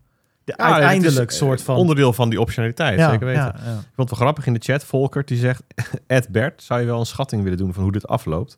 Dan een andere Bert in de chat, in tranen. Van geluk. Ja, dit is een... Ja, Ja, dat is mooi. Het is mooi. Want ik- ja, ik denk. Volkert, jongen, ik, ik, ik voel je, maar we gaan niet het rabbit hole in, nog een eh, keer in- in. tijdens de borrel misschien. Ja. ja, laten we even gaan praten met Tom. Dat, dat staat namelijk in het draaiboek. Oh, ja, ja, ja. En ik ben, Oh ja, zegt hij. Die bij, oh ja. en, ik, ja, en ik ben wel even benieuwd. Doe eens even een shotje van Tom, eh, eh, Stijn. Want hoe zit jij erbij, Tom? Hey, heb je nog energie om, om wat te zeggen? Of te doen. Als het moet. Als het moet. Ja. Ja, nou, Krijg sta- je niet voor betaald. Dus eh het sta- staat in de show notes, dus het moet. nou, daar gaan we ervoor. ja, ja, jammer dan. oh, oh, oh. Hey, eh, sta jij eh, op Bitcoin Amsterdam met Bitonic? Mag ik dat wel zeggen? Ja, het plan is wel dat wij inderdaad daar aanwezig zijn. Met Bitonic, Bitcoin.nl en eh BL3P. Hmm, Dus we hopen daar met een delegatie mee te kunnen genieten van ja, alle leuke bitcoiners van Nederland en eh, omstreken. Maar als je, als je hier al over twijfelt of je het mag zeggen, eh, dan ga ik nu de vervolgvraag stellen. Mag je ook wat zeggen over wat voor leuke dingen je daar gaat doen? Of is het, ga ik dan te ver? Eh, ja, daar ga je wel, eh, daar ga je de randjes op zoeken, Peet. Ja? Ik ben, ik ben het een beetje gewend bij je. Maar ehm, nou, ik denk dat wij kunnen zeggen dat wij mogelijk dus als bedrijf daar ook. Present zijn. En, en, En, dat, dat je met, met ons kan spreken als je dat leuk vindt of vragen hebt. Of, en dat het ook de moeite waard is om dat te doen. Ehm, nou, het stond al in de chat. Ik ga jong leren. Dus ik denk dat je sowieso dat wil zien. Ja, dat lijkt, me, lijkt mij ook ik denk wel, dat dat een soort... eh, ja. Mooi. Hey, eh, kan ik al eh, vanaf eh, jullie apps gewoon Lightning naar mijn eigen wallet versturen? of hoe zit dat? Jezus, dit is een bruggetje. Ja. ja. Nou, ehm, we zijn eventueel, als je ons kan vinden, zijn we van plan om iets leuks weg te geven. Ehm, dat is voor en Blab, ja, ik noem het maar meteen Blab, Blab. bek lekkerder, Blub. BL3P. Eh, dat is en voor Blab klanten en voor nog niet Blab klanten. Ehm, en daar zou ik misschien wel een kleine sneak preview van kunnen geven. Kan dat? Oh. Want in principe hebben wij natuurlijk op, op Blab hebben wij al Lightning, dat jij kan depositen en kan Serieus? withdrawen. Is dat al lang? Ja, Oh. man. Dat is hartstikke- Heel heb ik zelfs lang. te vertellen. Ja, dat, jij nou op, ehm, wat zullen we eens noemen? Coinbase? hey, je zit achter me. ik dacht, we hebben een videoverbinding. Nee, maar- nee, nee. Hij Nee, ik, ik draai al sinds ben 2013 er. mijn eigen Lightning Node. er. Ja. Ja. Dat is ook weer waar. Je hebt dat allemaal niet nodig natuurlijk. Alles draait al intern. Ja. Goeiedag. En daar hebben we nu een, ehm, een, een kaartje aan gehangen. Ik ben wel benieuwd Als- wat gaat gebeuren. Als, Ja, Stijn die gaat moet ik nu ook echt... even de eh, camera pakken zo? Of, die eh? gaat volledig tricken. Ja, pak de camera. Dat was wel, zag er wel profi uit. Zo, Ja. Hallo. Maar daar hebben we een soort, eh, soort kaartje aan gehangen. Ik kan die wel even laten zien. Normaal filmpjes met zo'n camera en, eh en eigenlijk- bank die eindigen anders. kijk, kijk. Light, een Lightning Payment Card. Oh ja. Precies. Wow, en en eigenlijk dus, is dat natuurlijk een stap achteruit. Want Ja. je wil gewoon met je, je telefoon wil je betalingen kunnen doen. Ja, voor, want voor, de, voor de ja, luisteraar, ja. dit is een, eh, een pasje ter grootte van een creditcard, grootte van een pinpas. Daar staat op Lightning Payment Card. Ja. En er staat een tekentje, zo'n zo'n zendtekentje van NFC staat erop. Ja. Dat klopt, Bert. Dat heb jij eh, goed Ja, omschreven. we hebben luisteraars, Tom. Ja, ik vergeet soms kijkers, een beetje dus- dat, ik niet, dat niet iedereen Dat me ziet. niet, Hè? dat geeft niet. Dat, eh. Ehm, Tom zit nu met zijn telefoon in zijn het hand. goed Hij doet de soort code live in. reporter. 3774 Dat is is de wel code. leuk. Hij heeft er wel de looks voor. Ja. zal ik een, eh, een klein demootje geven? ja, ja. De Ja, er Als, als Stijn er klaar voor is, als hij alles scherp heeft staan, Ja, dan, St- eh, Stijn die staat echt... eh, De trillen van geluk. dan ehm, Ja. moet jij even vertellen of de microfoon... Ik wil vertellen wat ik doe ja, natuurlijk. ja, zo. Ik heb, oh zo. Je, wil- je, je- wat wil je Oké, we doen een demo in stilte voor de luisteraars. Nee, maar moet ik de microfoon vasthouden? Ja, dat lijkt me wel. Ja, dan ga ik even naast je zitten. Dit is improvisatie, jongens. Ja, dit, is, dit is echt ongekend. Het Ongehoord. is wel anders met zo'n... eh, hallo. Interview. Hij voelt zich nu, hoe heet die gast van de Poont? Ik ben op zoek naar stereo-apparatuur. Anyhow. Armen uit de knoop, nu kan die. Kijk, let op. Ja. in beeld, Stijn. Ja, Heb je wat, het kaartje? Ja, ja, ja. Er wordt nu een kaart tegen, aan de achterkant van de telefoon gehouden, live. Oh ja, en dan zien we een, een notificatie komt omhoog. Ja. Oeh, open in Breeze. Wallet wordt geopend. Wat zien we hier nu, Tom, voordat je op knoppen drukt? We zien hier nu de Breeze Wallet op mijn telefoon. Die heeft dus eh, via NFC gezien dat er een Blab Lightning card tegenaan is gehouden. Ja, een invoice zie ik of zo. Een invoice, ja, die maakt hij meteen aan.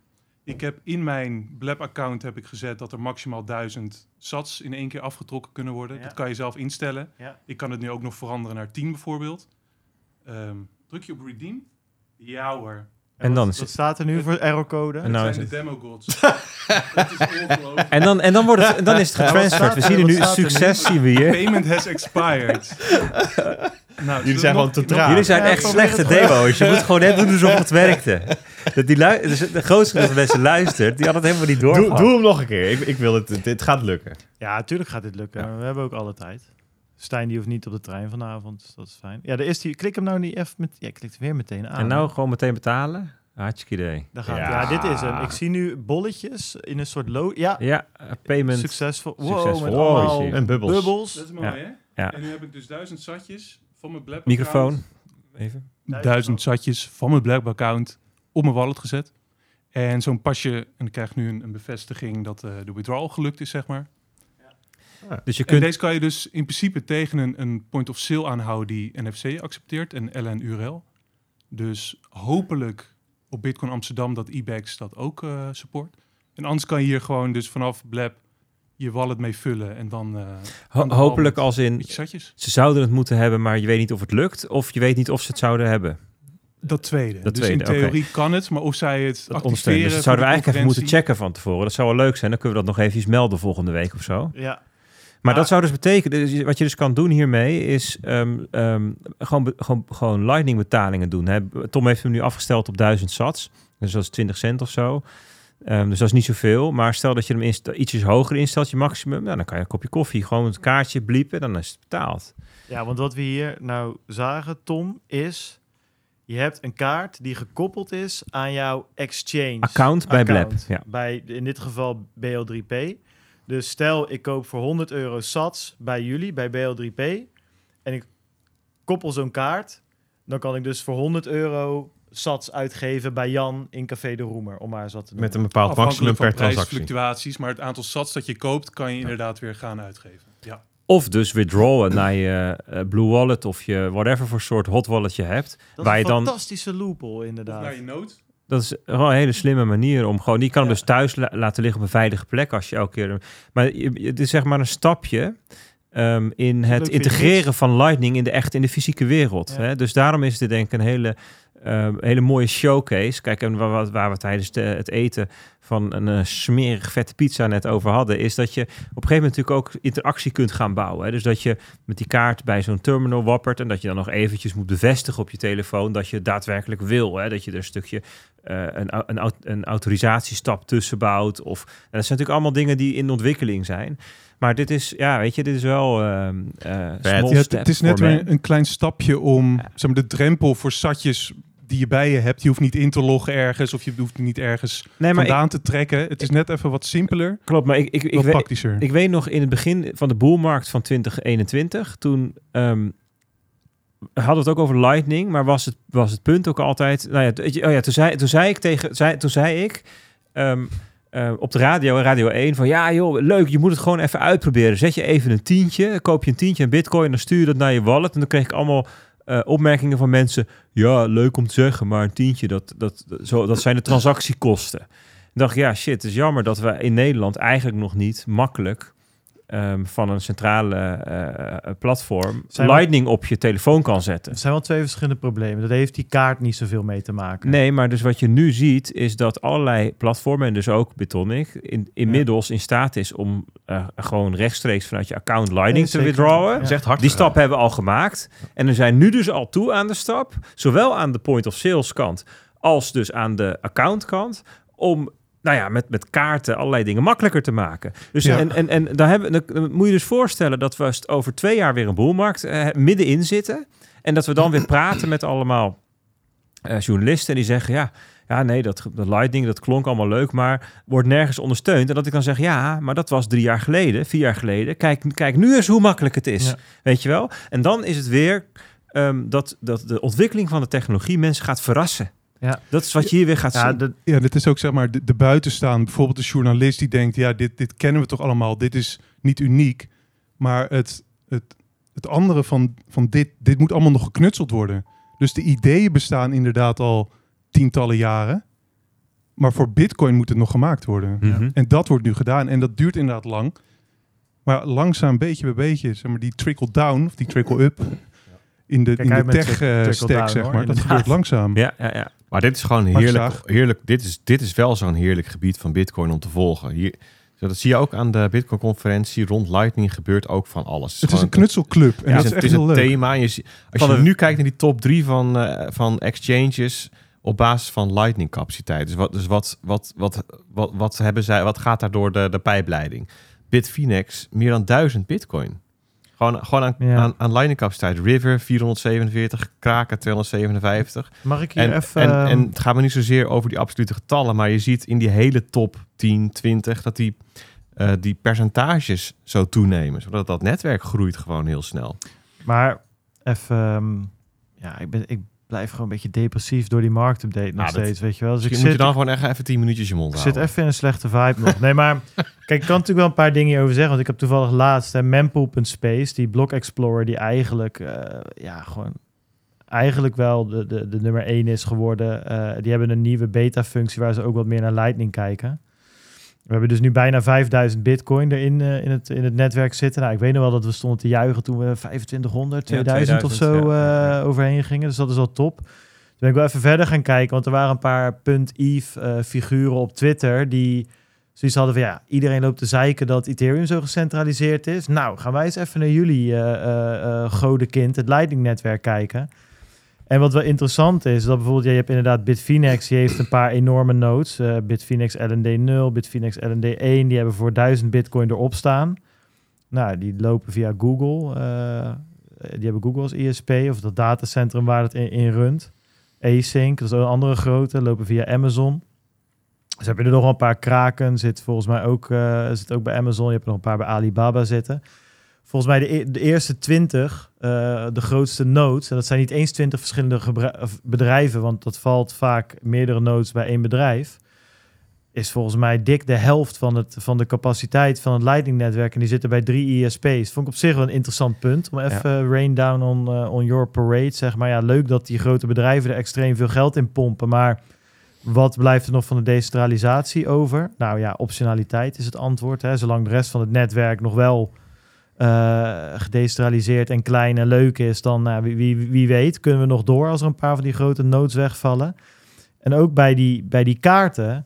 Kijk, het idee van die kaarten is dus wel, en ik ben er niet per se op tegen, maar het is wel belangrijk om te beseffen dat, ehm, want die, je kan die kaarten kan je ook op je eigen node laten draaien. Hè. Nu bij Blab draaien ze op de Blab node en daar zit een accountsysteempje omheen en dat werkt allemaal met, eh met LN eh, URL, nee LN bits ook, nee LN URL. In ieder geval kan je best wel makkelijk van die accountsysteempjes maken, zodat eigenlijk elk elke wallet heeft dan een, eigenlijk een accountje volgens mij. Nou goed, kun je ook zelf ehm, ehm, maken. Maar het punt is dus wel dat het, dat is wel een soort custodial optie natuurlijk. Ik zeg niet dat het slecht Ja. is, Maar als bijvoorbeeld BL3P 5000 van die kaarten uitgeeft, dan loopt dat wel allemaal via de BL3P-node. Dus ehm, niet, ook wat ik zeg, niet erg. En ik denk dat het gewoon de way to go is. Want niet iedereen gaat de eigen node draaien. Maar in de lagen bovenop de basislaag ga je sowieso andere security afwegingen maken. Ja. Hè, en, ehm, en, en de allerbovenste laag, of de, e- de- hè, daar kom je sowieso natuurlijk bij dienstverleners terecht die namens jou dingen doen. En Mhm. daar een laag daarboven zou je misschien zelfs nog creditcardmaatschappijen en zo kunnen hebben. ja, ja. Ehm, ik, we zitten nu eigenlijk in laag 2 en 3. Een beetje daar heen en weer te gaan. Hè? Tussen nou ja, je eigen Lightning nodes of een dienstverlener die dat namens jou doet. Ja. En, en ik vind dat voor het soort betalingen waar Lightning voor bedoeld is, helemaal niet zo'n ramp eigenlijk. Nee, nee, ik ben het ook mee, mee eens. Ik vind het denk ik ook geen slechte ontwikkeling. Maar ik ben wel... Weet je hoe je het moet zien?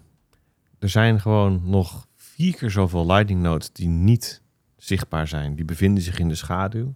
En die zijn ook nog eens vier keer zo dik. Die zijn wel zichtbaar. En die zijn allemaal... Hoezo zou die niet die, zichtbaar die bevinden zijn? zich allemaal... Nou, die, die, die, eh, die, pub- die, die maken zichzelf niet bekend. Ja, Die- Dat zijn gewoon eh, private Lightning nodes. hoezo? Ze moeten toch channels hebben? nee, maar... Nou, in, het, in, het, eh, in een van de laatste rapportages was dat River die erover schreef. Ik geloof het wel. River Financial die jaarlijks een rapport schrijft over State of Lightning of zo. Ging het hier wel over. Over het, het, het, het deel van het Lightning netwerk dat niet gemapt kan worden. Gewoon om- omdat die nodes zichzelf niet eh, Ja. bekend maken. Weet je, Ja, dat niet ze- bereikbaar. Dat, nee, dat, dat schatten zij in als groter dan wat je hier wel ziet. Ja, dat Strike bijvoorbeeld die tussen zijn eigen shit heen en weer stuurt, dat zou kunnen. Maar Ja, maar als je alleen Dus- maar private channels hebt, ben je dan onderdeel van het Lightning-netwerk. niet, je bent in ieder geval niet onderdeel van de publieke Ja, infrastructuur. Is er zoiets als het Lightning netwerk? Ja, dit. Nou, hoeft niet. Je- dit, dit, is- kun- dit kunnen ook meerdere netwerken zijn. Je, je ziet hier wel publieke Klopt. dingen, maar dat Klopt. zegt niks over dat het één netwerk is. Jawel. Nee, tuurlijk niet. Hoezo niet? Ja, omdat niet alle eh, nodes die in deze lijst staan met elkaar verbonden hoeven te zijn. Er hoeft niet naar alle nodes onderling een pad te zijn. Dus eh, het Lightning-netwerk per definitie gewoon een, een, een web van subnets. Ja, oké, maar dat is wat een netwerk is, zeg maar. Maar er is, er is geen enkele reden om niet 14 Lightning-netwerken te hebben, technisch. Ja. Nou, ja, ben het niet mee eens. Maar ik snap wat je bedoelt, maar ben het er niet mee Maar eens. ja, maar jij bent depressief, dus... Ja, dat is ook Ja. zo. Ehm, toevallig gisteren ook, 28 september. Ehm, today we're excited to announce the initial code for Taro. Taro. Lightning Ja. Labs heeft Taro gereleased. De eerste versie, alpha denk ik, of zo gisteren. Dus ook daar gebeuren dingen. En Strike, 80 miljoen opgehaald. 80 miljoen opgehaald. Kan die eh, 80 miljoen... eh kan Europeanen die, eh, aansluiten. ja, ik had 80 miljoen van die, van die appartementen kopen die dan niks in hangt. En Oh ja. 80 miljoen hoodies die je dan op kan zetten. En dan kan... eh, 80 miljoen dikke klokkies. What's up? What's up? Ja. Ja. Ik ben benieuwd hoor. Hij mag nu verdomme wel eens een keertje naar Europa gaan komen met die 80 miljoen dollar van Q5, hem. eh, Bart. Zo. Q5. Ik dacht dat we daar waren met eh, de Ethereum. Hey, Nee. ik... Zo, ik flik mezelf even. Nee, was, ik dacht dat jij eh, klaar was. Ja, ja, ben ik ook wel. Oké, ja, ik dacht ik gooi er even een quizvraagje doorheen.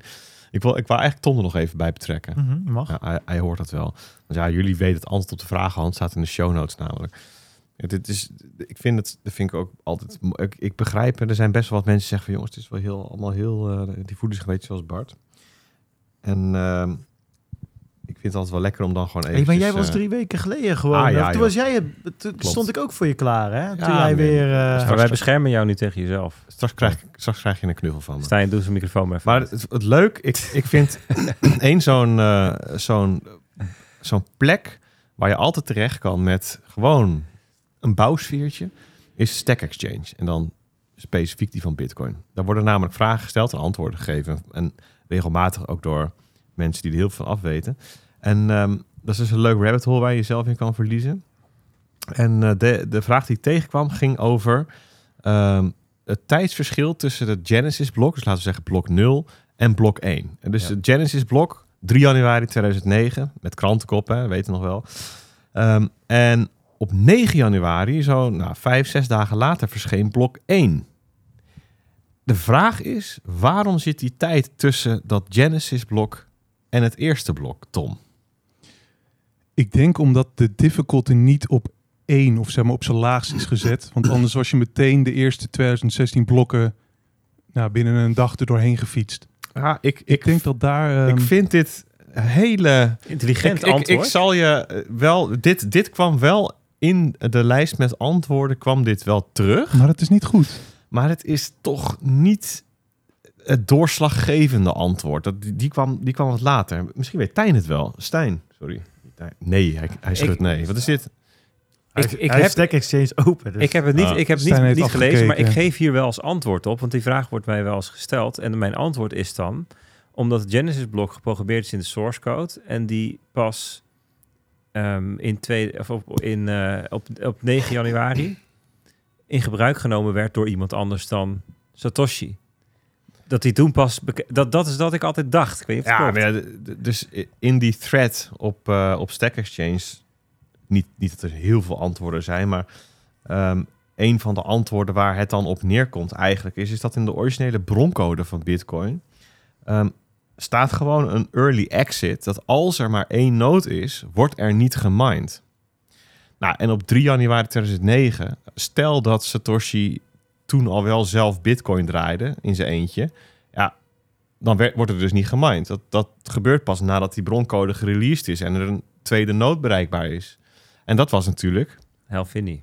op ne- 9 januari. was hij er zo gortig, eh, die, die, na vijf dagen al bij. Ja, volgens mij was hij al voordat het gereleased werd betrokken eh, Ah, in de één op eens met Satoshi over het hij had die zo. tweet ook, hè, running Ja, Bitcoin. ja. Dat was dan het Ja, hij is trouwens eh, niet de eerste met die, de, die zijn nood draaiende had. Nee, toch? Hij had Dat eerst was nee, dat- transactie. ehm, die ook tegen Greg Wright ging getuigen Ja. in Amerika was het volgens mij. mij. Ja, Die was de eerste daadwerkelijk die samen met Satoshi een, een netwerk opstartte.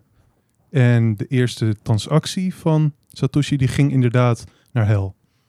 Oké. ja, precies. En dan nog, nog een. Maar goed, en wat jij zegt, er moet iemand anders zijn. Hij kan natuurlijk ook twee clients draaien. En dan voldoe je ook al aan die voorwaarden. dat heeft hij dus blijkbaar niet gedaan. Nee, maar Ja, een goed zak is het ook, hè? Zou kunnen.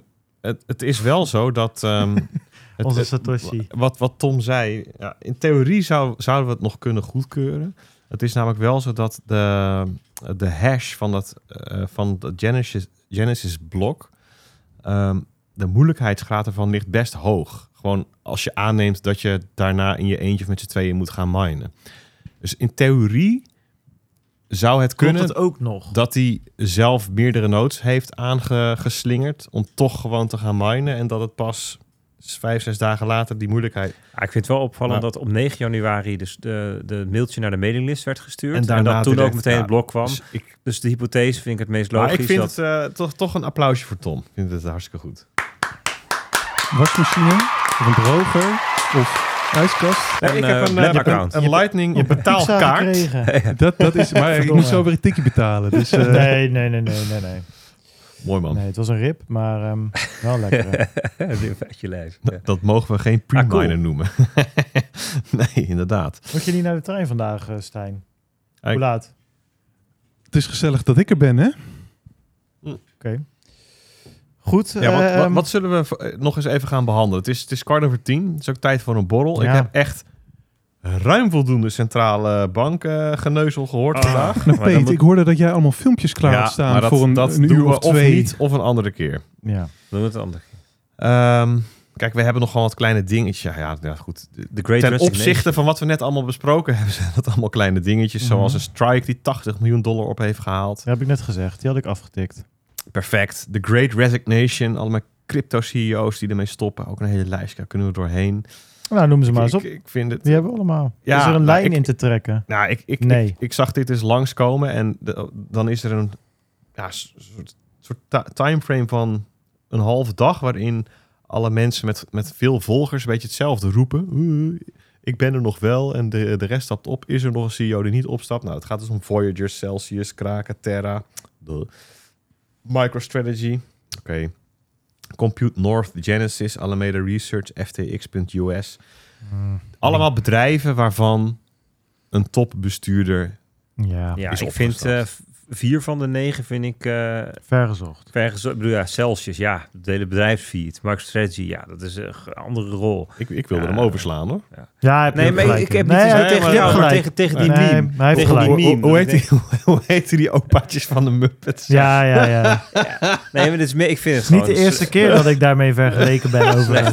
Letterlijk op mijn eh, eh, Oh. diploma-uitreiking op de middelbare school met mijn beste maat zeiden ze dat we die Misschien nog wel leuk om even één filmpje te doen dan. Eh, Stijn, die van Cynthia Loomis. weet je, ja, Bitcoin als politiek instrument. En, hè, maar, maar ze zegt gewoon wel dingen die leuk zijn om te horen. Ze, eh, ze refereerde op Twitter, las ik, aan de, de, de Chancellor on the Brink headline. Ook in de context van wat er nu gebeurt, wat we net allemaal besproken hebben. Ehm, en zij noemt, eigenlijk reflecteert ze even op het bestaan van Bitcoin waarom ze dat belangrijk vindt. Je moet nog even wat langer Ja, inleiden. ik want denk Stijn heeft ook, net hoor. alle filmpjes afgesloten toen jij zei, dit gaan wij niet meer doen. Stijn die dacht, Wij, mooi. wij laten nu een stilte vallen. Die wordt zo pijnlijk. Voor Stijn? Ja. Dat je Doe echt denkt gewoon. van, pol, Oh, ja, ja, ja, dit is ja, ja. vervelend. Misschien Ja. kunnen we dat Connect the World eh tikkertje nog even erin Ja, editen. Met die gong. Ja, goed, Cynthia Loomis, weet je, kan, kan, je, kan je die niet nadoen of zo?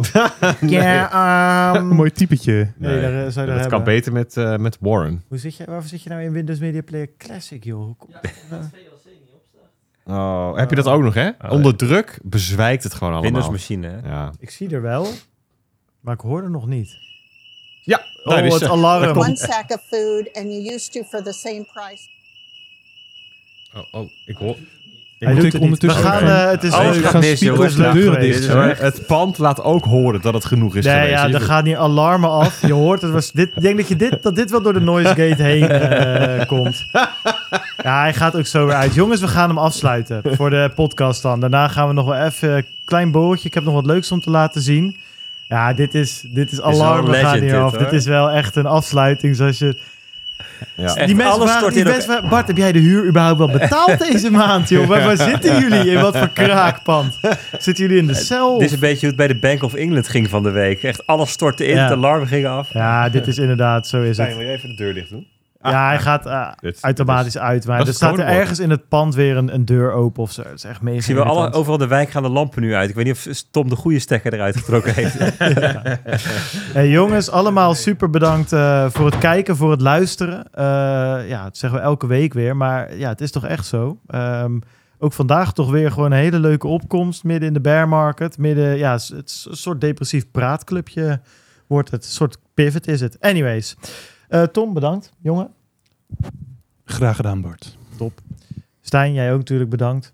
Eh, Cynthia Loomis, nou dat later. Maar ik denk dat dat ook gewoon een teken van de goden is, weet je wel. Die Cynthia, die hebben we in Miami gezien. Ah, ik- Zoveel soeps als ze nou ook Ik vond het qua, qua luchtigheid was het wel even leuk Oké, geweest nog. ja, maar goed. nee. Teken van de goden. Ja. Bert, dank. Peter, bedankt. Bart, bedankt. Thanks jongens. Vind je de podcast leuk? Join onze Telegram groep. Volg ons op Twitter. De links kun je vinden op www.stoshiradio.nl. Ehm, ja, en wij gaan even de borrel in. Ik heb een hele vette Stoshi Radio logo lichtbox die ik nu ga laten zien als je blijft hangen. En eh, voor iedereen die niet blijft hangen of die luistert, thanks en eh, tot volgende week. Laat, adios.